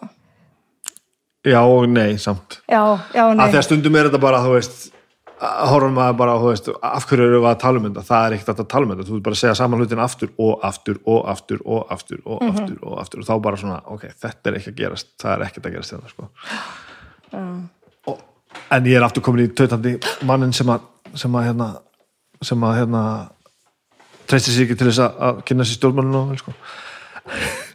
Hvað hérna hvað gerur þú ekki, ekki þessi? Veist, hvað gerur þú heima þér? Hvað, hvað, hvað hérna? Já, ég á, við rekum hérna stórt heimili. Já, ég á fjögur börn. Þú börn já. já, aldrinum hérna 8 til 20 ára. Ok, og það á bara hugminn allan. Já. Já, og hefur tíma fyrir það? Ég bara já, ég á alltaf tíma fyrir það. Mhm. þú verður að gefa það tíma fyrir það. Það er sko heilsan og börnin. Þú veist, ef maður hefur ekki tíma fyrir það þegar vinnan heldur koman þá maður að finna sér eitthvað annað að gera. Og nærðu, nærðu því, já, já, já, hana sér gott. Já en þau eru líka farin af sko, nú vorum við vetrafrí og hérna og ég gær þá ætlaði ég að vera bara svona taka mig bara algjörst frí og maðurinn minn líka. Og allt í henni þá vildi börnin fara að gera eitthvað annað en með, en með okkur, við vorum alls konar skemmtilegar hugmyndir sko, mm -hmm. allt í henni þá bara voru þau komin út um allt að gera eitthvað með vinnu sínum og höfðu engan á að vera með okkur. Já, og það verður líka að vera rými fyrir það þetta en þau eru sjálfstæðið og en ég meina það er samt alveg heil mikið þau öll að lesa upp átt 15 mínútur á dag til dæmis í heimanáminu og fleira og æfa öll á hljóðfæri og svona ýmislegt sem er einmitt tímafrekt að því að maður á svo mörg börn sko. og hvernig leysir þetta, bara með því að vera með skiptum bara liði. Og er þetta bara skip, skipula bara, alveg bara Já, alltaf eftir kvöldmatt þá lærum við heima og æfum okkur á hljóðfæri. Á, Þannig að eftir túpuleikin þá tekur gítarleikurinn við og svo kemur trompetinn. eftir, vá Hann er að læra túpu, þetta er rosalega tríó maður eh, túpa, trompet og gítar. það er Já, það búið til fullt af músík með það maður Og svo eru við fóreldrarna algjörlega laglaus, eða maðurinn minn vill ekki meina hann sé laglaus, en, en við erum laglaus og bara getum ekki lesið nótur. Ég kefti mér hins vegar ukulele um daginn Mhm. og ég eh, er komið nokkuð grip. Það er svo gaman sko. Þetta er bara ekki það er búið að eiginlega svolítið, svolítið hérna músík uh, ástundun held ég fyrir ansi mörgum með því að það er bara að hræða fólk svo mikið með því að þetta sé svo erfitt. Já, nei. Eins og já, þetta, já. köpum svo úkulele. Það er allt svo aðgengilegt. Ég er með app Já. í símanum mínum sem er að kenna mér og það, þú þarft ekkert nema bara kortur á dag. Það sko. Það er bara, þú veist, kortur á dag í hverju sem þú vilt æfa því það er bara það er bara gott. Já, þetta er eins með reyfinguna, sko. 20 mítur, hálftíma á dag er svo sem engin tími. Nei, þú veist, og ég meina, þú getur settið í tölvinu bara 2-3 tíma og, og þú lókar henni þá veist ekki hvað þú varst að gera. En þú ert með sko 70 tabs eitthvað fyrir fram að og veist ekkert hvað þú varst að gera. Og þá bara segja ég bara, lóka tölvinu fara út, lappa, hjóla, hreyfa sig. Eða spila Já. þetta er svona, við þurfum atkvarf við þurfum einhvern veginn að geta sapna okkur saman aftur þurfum að fá svona nú, nú vinsaldi tala um núvitund. Mhm. þetta er svona eins konar núvitund að bara þetta er meditasjón, þetta er hugleðsla að þetta gera eitthvað. Og þetta mannstu ég var að segja er að mér er gaman að gera hluti sem að eru krefjandi Já. og ég kann ekki. Þetta var eitt af því, úkulele að kaupa úkulele Já, og byrja þar. Og kannski get ég farið yfir á gítar eða eitthvað. Með Mhm. dóttur minni. Ný, notar tíman vel, almennt ég það, þú hljómar svolítið, þú fullkomin þú Nei, ég ætla ekkert að ljúga þér ég kann ekkert að nota tíma minn. Ég er náttúrulega bara með ADHD og bara ég þarf að hafa þetta aldrei fyrir því að skipulegja mig. Mhm. Já, og svona vakna á mótnan og bara hvað, hvað er í dag? Já, ég ætla að gera þetta, þetta, þetta. Og svo að því ég er svo hvað þá fyrir ég kannski að gera eitthvað allt annað. En ég þarf, ég þarf að hafa fyrir þessu. Ertu greind með ADHD það? já, ertu notar að lifa því það? Já ég, og þau hafa hjálpað mér. Já, já. en ég teka ekkert ég er líka svo, ég, þú veist ég er svo illa meðferða heldin ég er bara, bara að gleyma þeim og ger ekki neitt og Það voru tveir í, í skálvöld sem að byrja að lifa, ADHD að lifa á sama tíma. Það breytti hljómsættarútinu ansi mikið sko. já, þetta hjálpar sko. Þetta er stórkostlegt. Mér finnst sko mikilvægt, ég greinist á gamalsaldri, mér finnst bara mjög mikilvægt að fólk hérna, eh, þú veist, mér, mér hefur fundist aldrei lítið gert úr greiningum, að við erum að greina alla og það er allir bara með ADHD og það er allir á livjum og ég segi bara, ef að lifi hjálpa þér að lifa betra lífi og ná tökum einhvern veginn á á hugsunum þínum, þú veist, þetta er bara eins og ég var að segja, þetta er úr bara með 70 glugga opna í vafranniðinum sko, hérna, einhvers staðar að þá hérna segja ég bara taktu lif í alvörunni, farið í þessa greiningu líka á gamalsaldri, stundu bara sm- smellur allt sama fyrir fólki og það skilur okkur það gerði hluti í fortíð og einhvern veginn og, og það er bara léttir. Já, já. fólki líður betur. Ég bara með því að vita. Já, já, og ég sjálf sko, ég menna mér finnst bara fínt að hafa fengið þessa greiningu og, og hérna stundu gerir ekki neitt með þetta sko. Nei, Nei enda þarf þessi ekkit alltaf held ég. Nei, þetta sé oft bara þetta einmitt bara maður þarf líka bara að læra að þekka sjálfa sig. Þetta, Já. ekki, þetta er það er marga leiði til það sko. mér finnst þetta einmitt að partur af því bara, veist, þegar ég horf á litla bróðum minn og bara, hvað ert að gera? Veist, og ég veit bara að hann er hann er, Hann er hann ævintýralegt sko. Já. og þeir eru tveir hana sko, í hljónstinni þá bara svona strákar, farið og náðu í lifin ykkar og takkið þið sko. annars verður við bara að stoppa rútuna áður en einhver drepur einhvern já, og, og þú veist, bara að sé hægt að þú veist bara náttúrulega bara tala um það, allir mjög opnið með þetta og ekkert veginn, sko, en líka maður átti sér bara á bara, já, ok, þú ert ekki bara að vera fáviti, sko. Auð- auðvitað náttúrulega auðvitað hugsa maður vonandi ekki þannig um fólk en enga síðan maður nei. fatta bara já, þetta er, þetta er alvöru mál, sko. Þú ert ekki að leika þér að því að vera bara og það er bara, bara mjög fallegt, sko.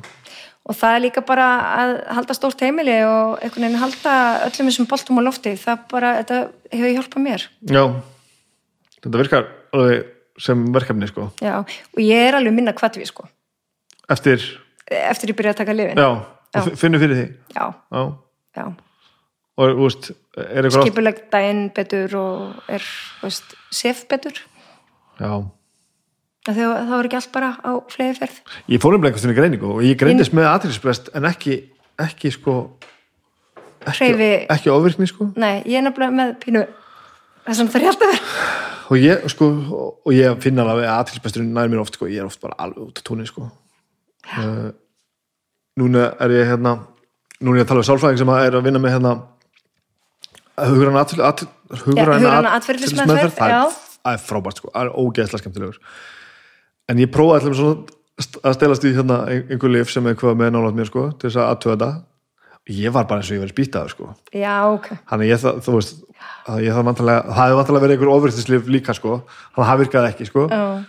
þá var ég alveg grillaður sko. Þannig að, já, þetta er nefnilega hægir á mér sko já, þetta ég hefði ekki kert heim sko, ég var alveg hellaður sko. Ég, ég teki bendirinn í bæ sem endur sko skár heldur en þetta, þetta var bara þetta var, þetta var, þetta var, var rosalegt sko. En sem betur við gaman sko. Já, en þú getur unni með þetta einmitt á ymsan hátt og ég held að það sé mjög mikilvægt einmitt að vera hjá í svona hugræðni atferðlis meðferð, sko, líka að þekka sjálfa sig, vita takmörk sín og þú veist vita í rauninni hvað gagnast mann er best í já, þú veist að koma verkefnum einhvern veginn á það, réttan já. stað. E- eða það, það, það sem ég líka græði á er bara, já, djúvillir góður í þessu.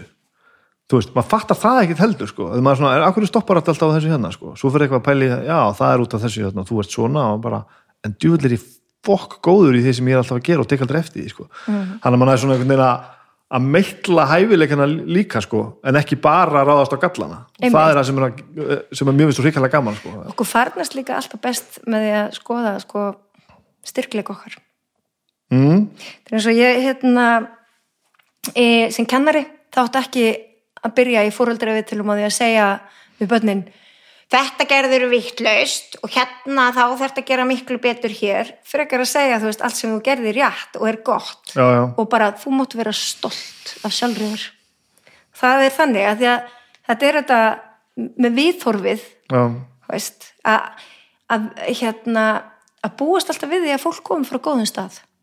Það er, nefnilega, það er gott að taka það með sér út í lífið. Já, og ég hef alltaf verið þannig, ég hef alltaf treyst fólki ég hef alltaf, eh, þú veist, hérna gert ráð fyrir að fólk sé gott og ég held að það sé í grunninn alltaf gott. Mhm.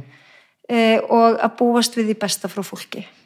Þannig að ég er mjög svona treysti fólki vel um, sem hefur kannski ekkert alltaf verið rétt að gera í pólitík en, en ég ætla ekki samt að- breyta mér að því letinu til. Og gengur allavega inn í herbyggið Já, og ég, ég gerir ráð fyrir því að fólk sé gott og sé ekki óheðalegt heldur sé það þú veist, heiðalegt Mhm. -hmm. og standi við það sem það segist alltaf að gera Hvað svo, hvað, hvað, hvað gerir svo núna í áframaldinu? Er, ertu pólitíku stangað til yfir líkur eða?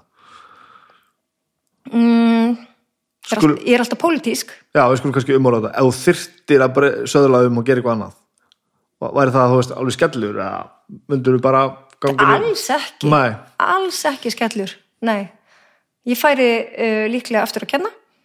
Já, ok. já.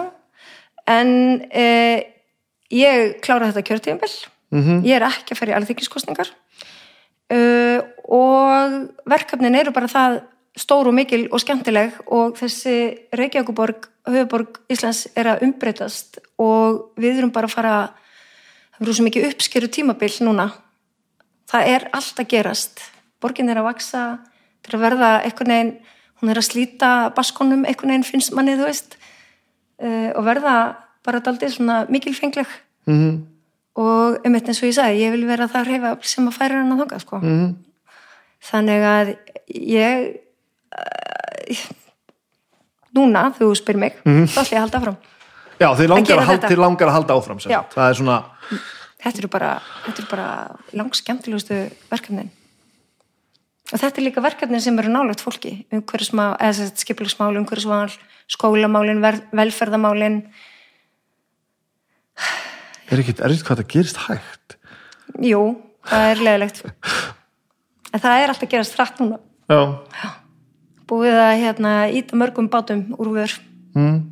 og þeir eru einhvern veginn að koma inn í landbræðum með aflan, hvað og hverju Gaman að heyra talað um þetta mannamáli, sko. Þetta er einhvern veginn bara, veist, að að því að maður er Þetta er svona sjómannamál Já, ég er að tala um bara gegnum allt þetta sem við erum bara að tala um sko. veist, bara einhvern veginn að heyra bara einhvern tala á ástriðu sko, alveg sama hvaðan hvað við komum kemur sko. bara ekki, ekki þetta karp sem maður er alltaf bara veist, einhvern veginn að svona, verður einhvern veginn alltaf Já, ég, mér, mér finnst það líka þreytandi við kennum það alveg, það er þreytandi alltaf sé alltaf sé ekki þetta breytið sér alltaf verði alltaf þannig að, sem að, að, fréttindan sem berast okkur sér alltaf svona Það er náttúrulega bara að breytist með fólkinu sem að ákveður að breyta þessu.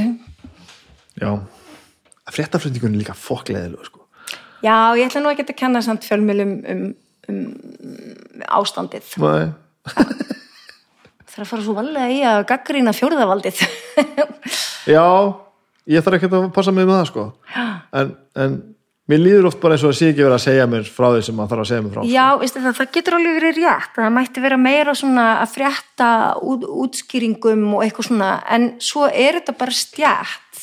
Fjölmjölamenn eru bara illa launaðir, vinna langan vinnudag og eru lítið fjö og það er bara alls konar alls konar uh, þröskuldar þar líka. Helgi Seljan átti í setningu hérna sem var megaði fullkomlega sens Já. Það er bara að vera að segja allt og mikið af fréttum.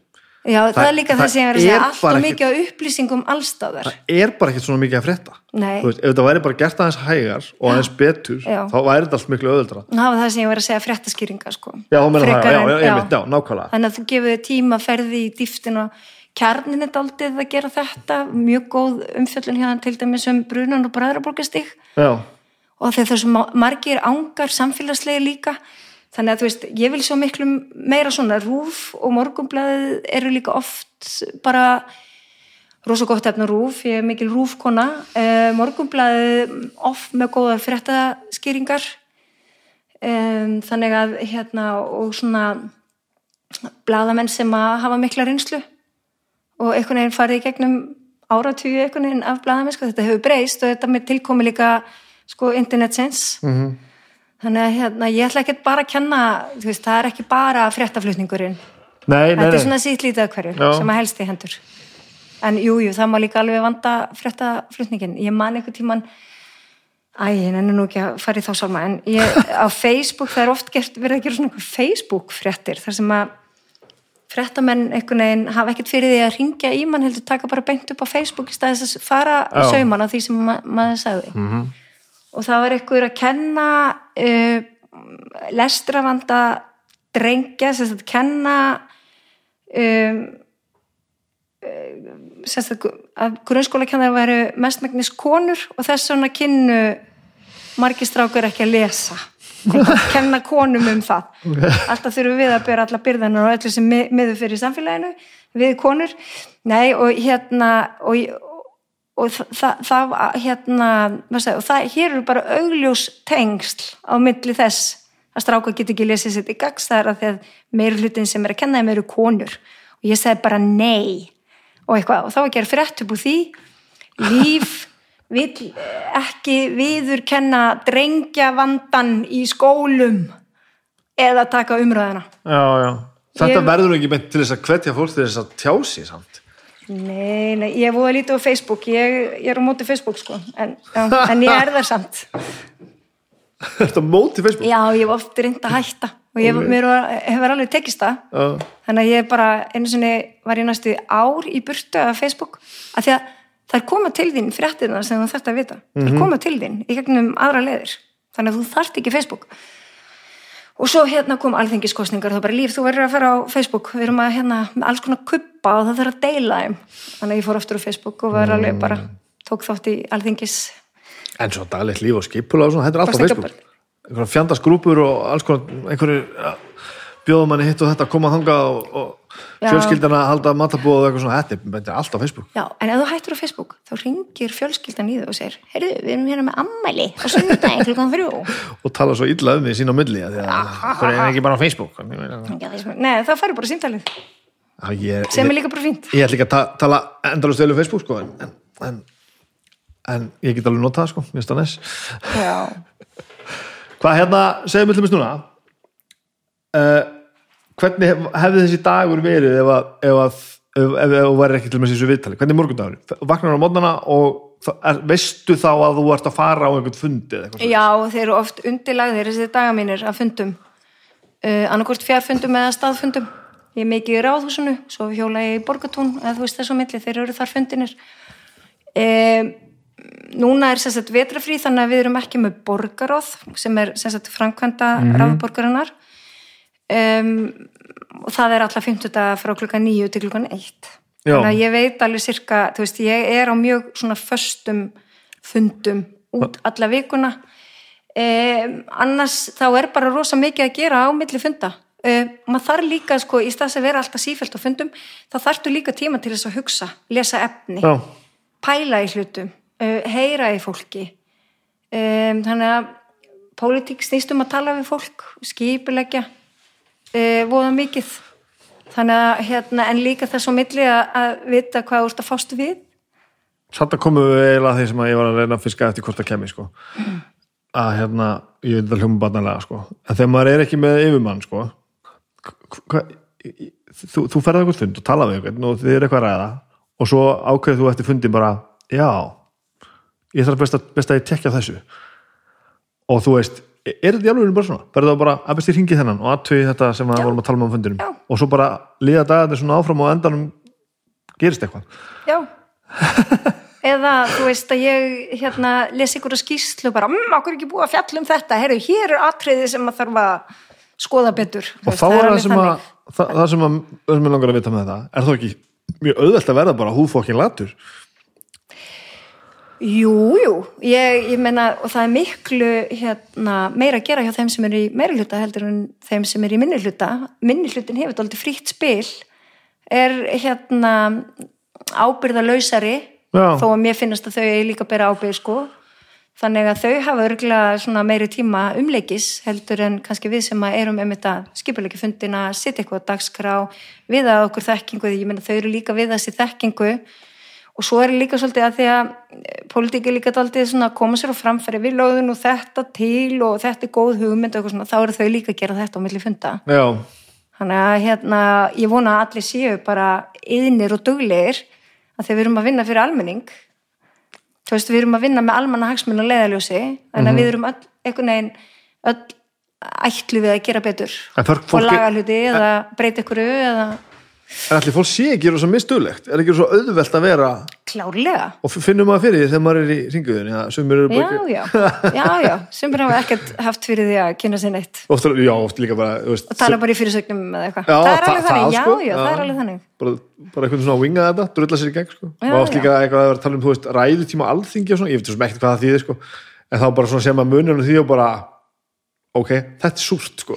þetta er alveg absúrt það segir ekkert Nei, um fram, mig vinnu grunaði það. framlagðitt hvað þú til dæmis tala mikið í pontu alþingis eða í borgarstjórn eða eitthvað svolítið. Og það segir heldur ekkert um vinnu framlagðitt uh, að þú sért áberandi í fjölmjölum. En það er samt krafa sem að fólk gerir til stjórnmálamanna. Já, heyrðu, þessi er rosa duglegur af því að hann er svo mikið í fjölmjölum. Mhm. Hann er alltaf eitthvað bara í bítunu og já, eða eitthvað, ég veit ekki. og ertu þá að koma þér í svoleiðis? Ég er svo, sko, ég er ekki nógu góð í þessu, sko, að koma mér eitthvað svona, pota mér. Og ég skal alveg viðkjöna það, ég mætti vera duglega í að miðla betur því sem ég er að gera og það sem ég er að hugsa, uh, kannski með einhverjum greinaskrifum, já, en svo bara, þú veist, ég, hérna, fyrir hvernig maður að skrifa, hver er tilgangurinn og hver ætlar að lesa það? Og er eitthvað sem les það, Já, já, alveg örgla að því að þú veist það sem ég skrifa er er hérna frábært. Nei, en bara, jú, ég mætti alveg gera meira af því, en stundum er bara dagurinn þannig að maður er bara að gera ógeðslega mikið og maður gera alveg gagn og tala við fullt af fólki og eitthvað neginn er að mobilisera og já, þetta hreyfi afl sem að ég er alltaf að tala um. Og þá maður bara kemur þreyttur heim og þá stundum er maður alltaf með nagandi saminskupið að ég má nú setja út Facebook status um hvað ég er að gera já bara svona að því það ætti að vera partur af vinninni að reyna að vera sínleiri og eitthvað svoleiðis Já, eitthvað lýs. þetta er magnað maður Þetta er daldið svona, já, að, svona, já, að vera sínilegur, já, en það er ekkert sama sem merki samt á milli þess hversu duglegur þú ert. Nei, nei, nei, nei. En það fæst margt með því að vera sýnilegur. Hlýtur að vera, það ekki? Jú, jú, fólk mann eftir þér, finnst þú vera að gera eitthvað? finnst þú vera að gera eitthvað, já, nákvæmlega. Þetta er samt alveg satt. Ég sumir alveg að gera eitthvað, ég er ekki að segja ekki, það. og þetta á ekki bara við um pólitík. Þetta við um ansi margt sko fólk sem er einhvern veginn bara alltaf sýnilegt og maður bara, wow, Það er rosa, já, rosa mikið að gera þessu ægilega, hún er alltaf dugleg svo veit maður ekkert sko, það getur vel að Nei. ekki gera neitt sko En ég, ég er ekkert að draga, ég veist, ég er ekkert að segja samt að fólk sem er rosa sýnilegt sé ekki að gera neitt. Það er bara, fólk er eh, misgott í því að koma sér á framfæri. mm -hmm. Og svona, ég er alveg prívat manneskja, þrátt fyrir allt, sko. Og mér finnst alveg óþægilegt að fara stundum í viðtöl. Já, alveg, já, já. Mér líður ekkert alltaf vel. Líður ekki vel í, með, þú veist, myndavill framan í mér og bara um, að þú vilt bara vera meira fyrir sjálfa eða bara ertu rætt við að koma illa út eða? kannski ger ég bara mikla kröfu til mín sko. Uh eða eitthvað. Að- og mér finnst ég aldrei kannski standa með alveg nógu vel. Já, já, en ætli þetta sé ekki þessi kvenna bölvun sem við höfum þurft að burðast með þannig finnst maður aldrei þú veist, þetta er svona imposter syndrom sko. Kom, konu koma inn í stjórnmálin og bara hmm, þetta er eitthvað svona kalla við já. Eða eitthvað, ég veit ekki þetta er bara það er, það er eitthvað þarna sko. Þetta er, og við, verð, við verðum að laga þetta sko. Já, ég veit það, þetta er alveg hillilega slæmt. Já, ég veit. Sem betur fer, ég er nú bara að segja þetta oft í þessum, í þessum, þessum þáttum sko. Þegar ég var að byrja með þetta og engin svo sem vissi hvað þetta var þá gekk miklu verið að fá konundur um kalla sko Já, ég veit. Þess vegna reynir ég að segja já við öllum viðtölum sem Já. að mér býðist, sko. Og bara alveg þó að ég sé bara með stein í maðunum já, og líði bara ekkert og er eitthvað stressuð. þetta lagaði sko, ég setja það sem alveg ófrávíkjalega reglu, það er alveg 50-50 sko ég tel bara við Mjög sko. uh, og þetta lagaðist þegar þetta var komið á okkur svona pínu flug sko. ég held kannski að fólk hafi þá og konur hafi þá fyrir átt að segja á því þú veist, auðvitað er ég ekkit áræðanlegur endilega fyrir, fyrir alla sko. en þetta væri þú veist, óhætt skilur þannig, hvað, þetta er líka, en það er líka, það er sko annar ángi af þessu.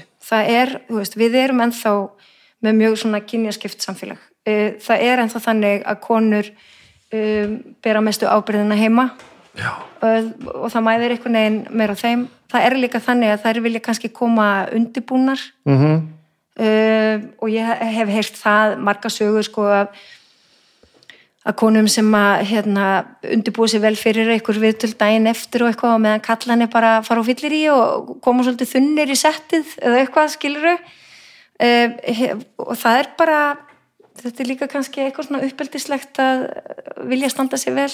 Ég held að, mm. jú, jú, kalla finna öruglega líka fyrir þessu og undirbúið sér, ég er ekki að segja það ég held bara meiri hlutin þetta, sé, þetta er svona raunveruleiki kvenna mm þú veist. Um, já, þannig að þetta eru bara öðruvísu kröfur. En það sem að ég fann svo fyrir mm. sem að ég held að sé bara mjög lítil dæmis um að þetta að er bara alveg hægt að breyta þessu að því að ég gafst ekki upp fyrir þessu þá hætti þetta að vera vandamál. Ég veit það, þegar ég bara var búin að gera þetta nógu oft og nógu lengi þá hætti ég að fá nei og ég hætti að fá aflýsingu með einhver fyrirvara. Einmitt. Og mér finnst þetta einmitt ekki vera á, þegar við, við höfum stundu gaggrínt fjölmila fyrir að vera bara með kalla eða taka bara viðtölu við kalla og fjölmila menn er bara já ég ringi ógísla marga konur og það segja alltaf nei. Þá bara halda áfram, þú verður að halda áfram? Bara halda áfram. Og þú veist, þetta er ekki til þú bara færið eina sem eins og mig bara lendur á mér og ég er alltaf bara já, ég skal koma í viðtal alveg sama þó að maður sé eitthvað þú veist, ó, ég veit ekki neitt um þetta eða eitthvað, og svo veit maður alltaf meira en maður heldur. Að þú, þú, þú tengir sér við þessa tilfinning algjörlega, áhuga tengi alveg við þetta.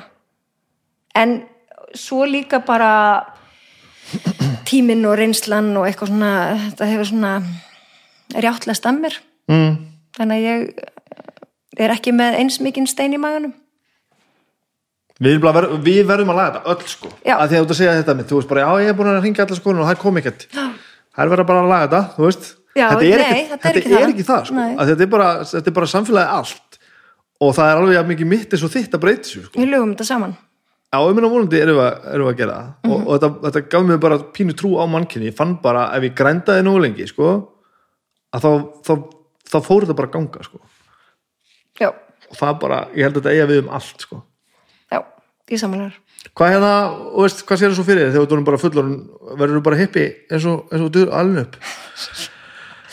Herði, það geti alveg vel farið svo. Já. Ég á mér draum um, sko ég er með pungaprófið, Já, að hérna ég á mér draum um að nú kemur einhver draumur kaupa mér skútu. Ég hef haft þennan draum bara síðan ég var krakkið, sko. Ég las hann í kjölfar kríunar Já. og ég var bara, þetta var bara eitthvað fyrir mig. Þannig að hérna, og siglum heiminn. Þetta er á einhverju plani hjá mér. Ég hef bara ekki, þú veist, mér hefur ekki tekist að fá fjölskyldunum mína með í þetta. og sérst á alvöru plani, þú ert alveg að hugsa, hugsa já, já, já, já, já, þetta er alveg á alvöru plani sko. en ég þarf líka að fara eitthvað erlendis og fá réttindi svona off-sea shore og eitthvað hvað það heitir nú Mhm. -hmm. en já þannig að ég, hérna, gott að gera plön fram í tíman og sér þetta sem þá uh, velunin fyrir að gott æfistarf eða sér þetta sem bara myndur fara að vinna við þetta eða meðfram þessu eða ekkert plan? Ekkert plan, ok, allt í lagi. Gott að gera plön. Ég er ekki búin að þetta. En hérna, þetta er draumur sem að ég ætla að reyna að láta rætast. Þetta er til dæmis, þetta kemur inn á það ég var að vinna í kvalaskóðan og húsæk mörg sömur og það er svona skútu hérna hjá kú- skútu kultúr sko. -hmm. og eða í mása samkvæmt voru náttúrulega að koma alls konar fólk á alls konar skútum til húsæðugur og bara við fórum út á siglinga háttíðar og alls konar. Og þarna til dæmis sko að því ég var að tala um þetta að vinna mögulega við að vera þungar okkar ég ætla bara að vinna við að vera rostöfna fullt af fólki sem vinnur bara við að vera skú, skútufólk finnur bara flötur um því og skrifa bækur og alls konar með alls konar blogg og hitt og þetta. Þú veist, af hverju var ekki búið að kenna manni þetta? Einmitt, ein uppáhaldsmyndi mín hann að Romancing the Stone með hérna þau voru uh, Kathleen Turner og, og Michael Douglas mannstu uh, kannski fyrir þinn tíma? Alveg týndur. En þau, hún var svona rítöndu sem skrifaði romantískar ástasögur eða eitthvað svona á skútunni Já. sinni, eitthvað, og svo lendu þau í æventýrum þú veist, eitthvað svona svolítið Indiana Jones æventýrum sem er nú ekki alveg fyrir mér að það fari svo leiðis en það, þetta er samt eitthvað að vinna með. Þetta að vinna með þetta? Þetta er ágætt maður. þetta er ágætt. Já, þetta var mjög gaman, já, takk fyrir að tala um mig. Takk fyrir að bjóða mér yngar og með þetta frábæra útsýni yfir framtíðar leikvöldu minn, sjóun gott, mjög gott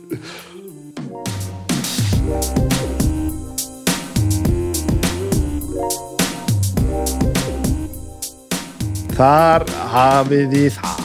Þetta var gaman. Hún er skemmtileg, mikið er það gaman þegar að fólk getur sagt manni á mannamáli hvernig það hugsaðar Þetta var alveg viti gott. Ég var mjög ánægð með þetta. Og þetta er, þetta er að gerast mjög hratt. Þið er að hlusta á þetta þetta eins og allir þættir hljókirkjunar fer þetta út uh, mínúti við miðnætti og þá þegar þetta fer út er innan við hálfu sólarhingur frá því að við lukum sam, uh, spjallinu, þannig að þetta gerist hratt þetta gerist hratt og það verður að viðkjörnast og það er svolítið að, er svolítið að gerast af því að við, það má einhver muna hjá okkur okkur bræðurum, við erum alltaf hljókirkjunu lofti hérna alveg.